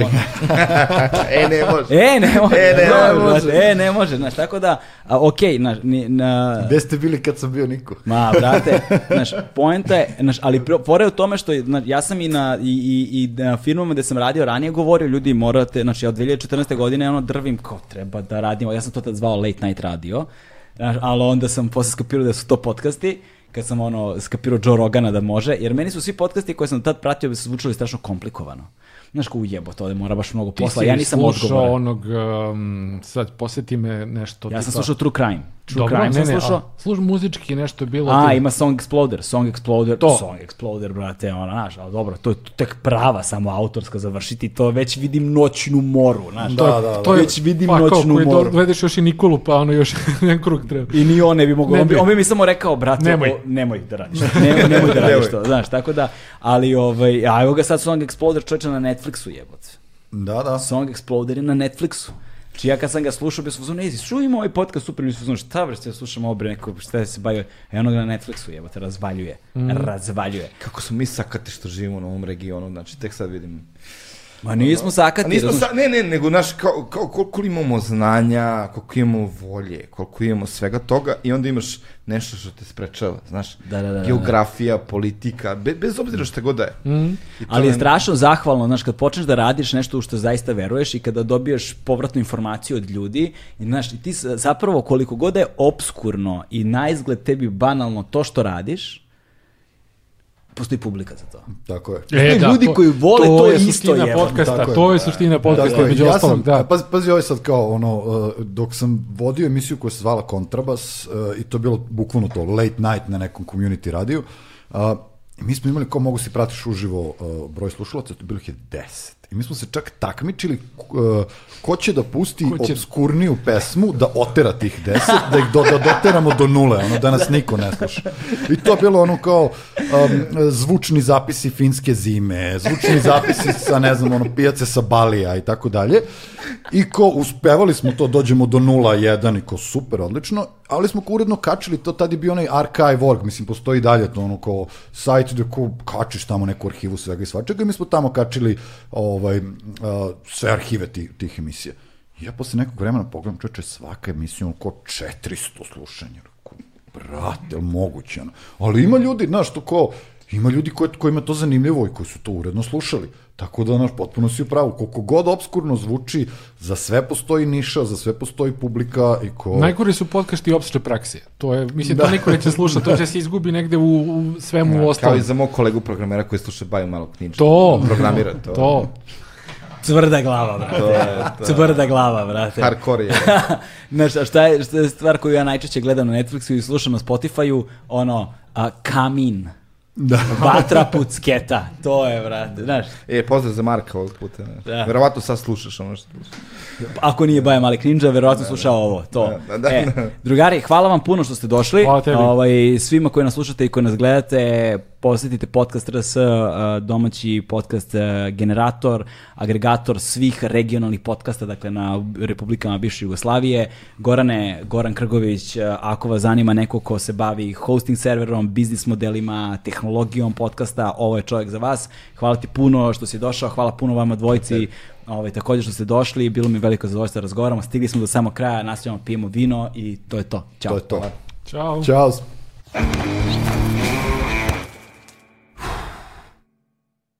Hmm.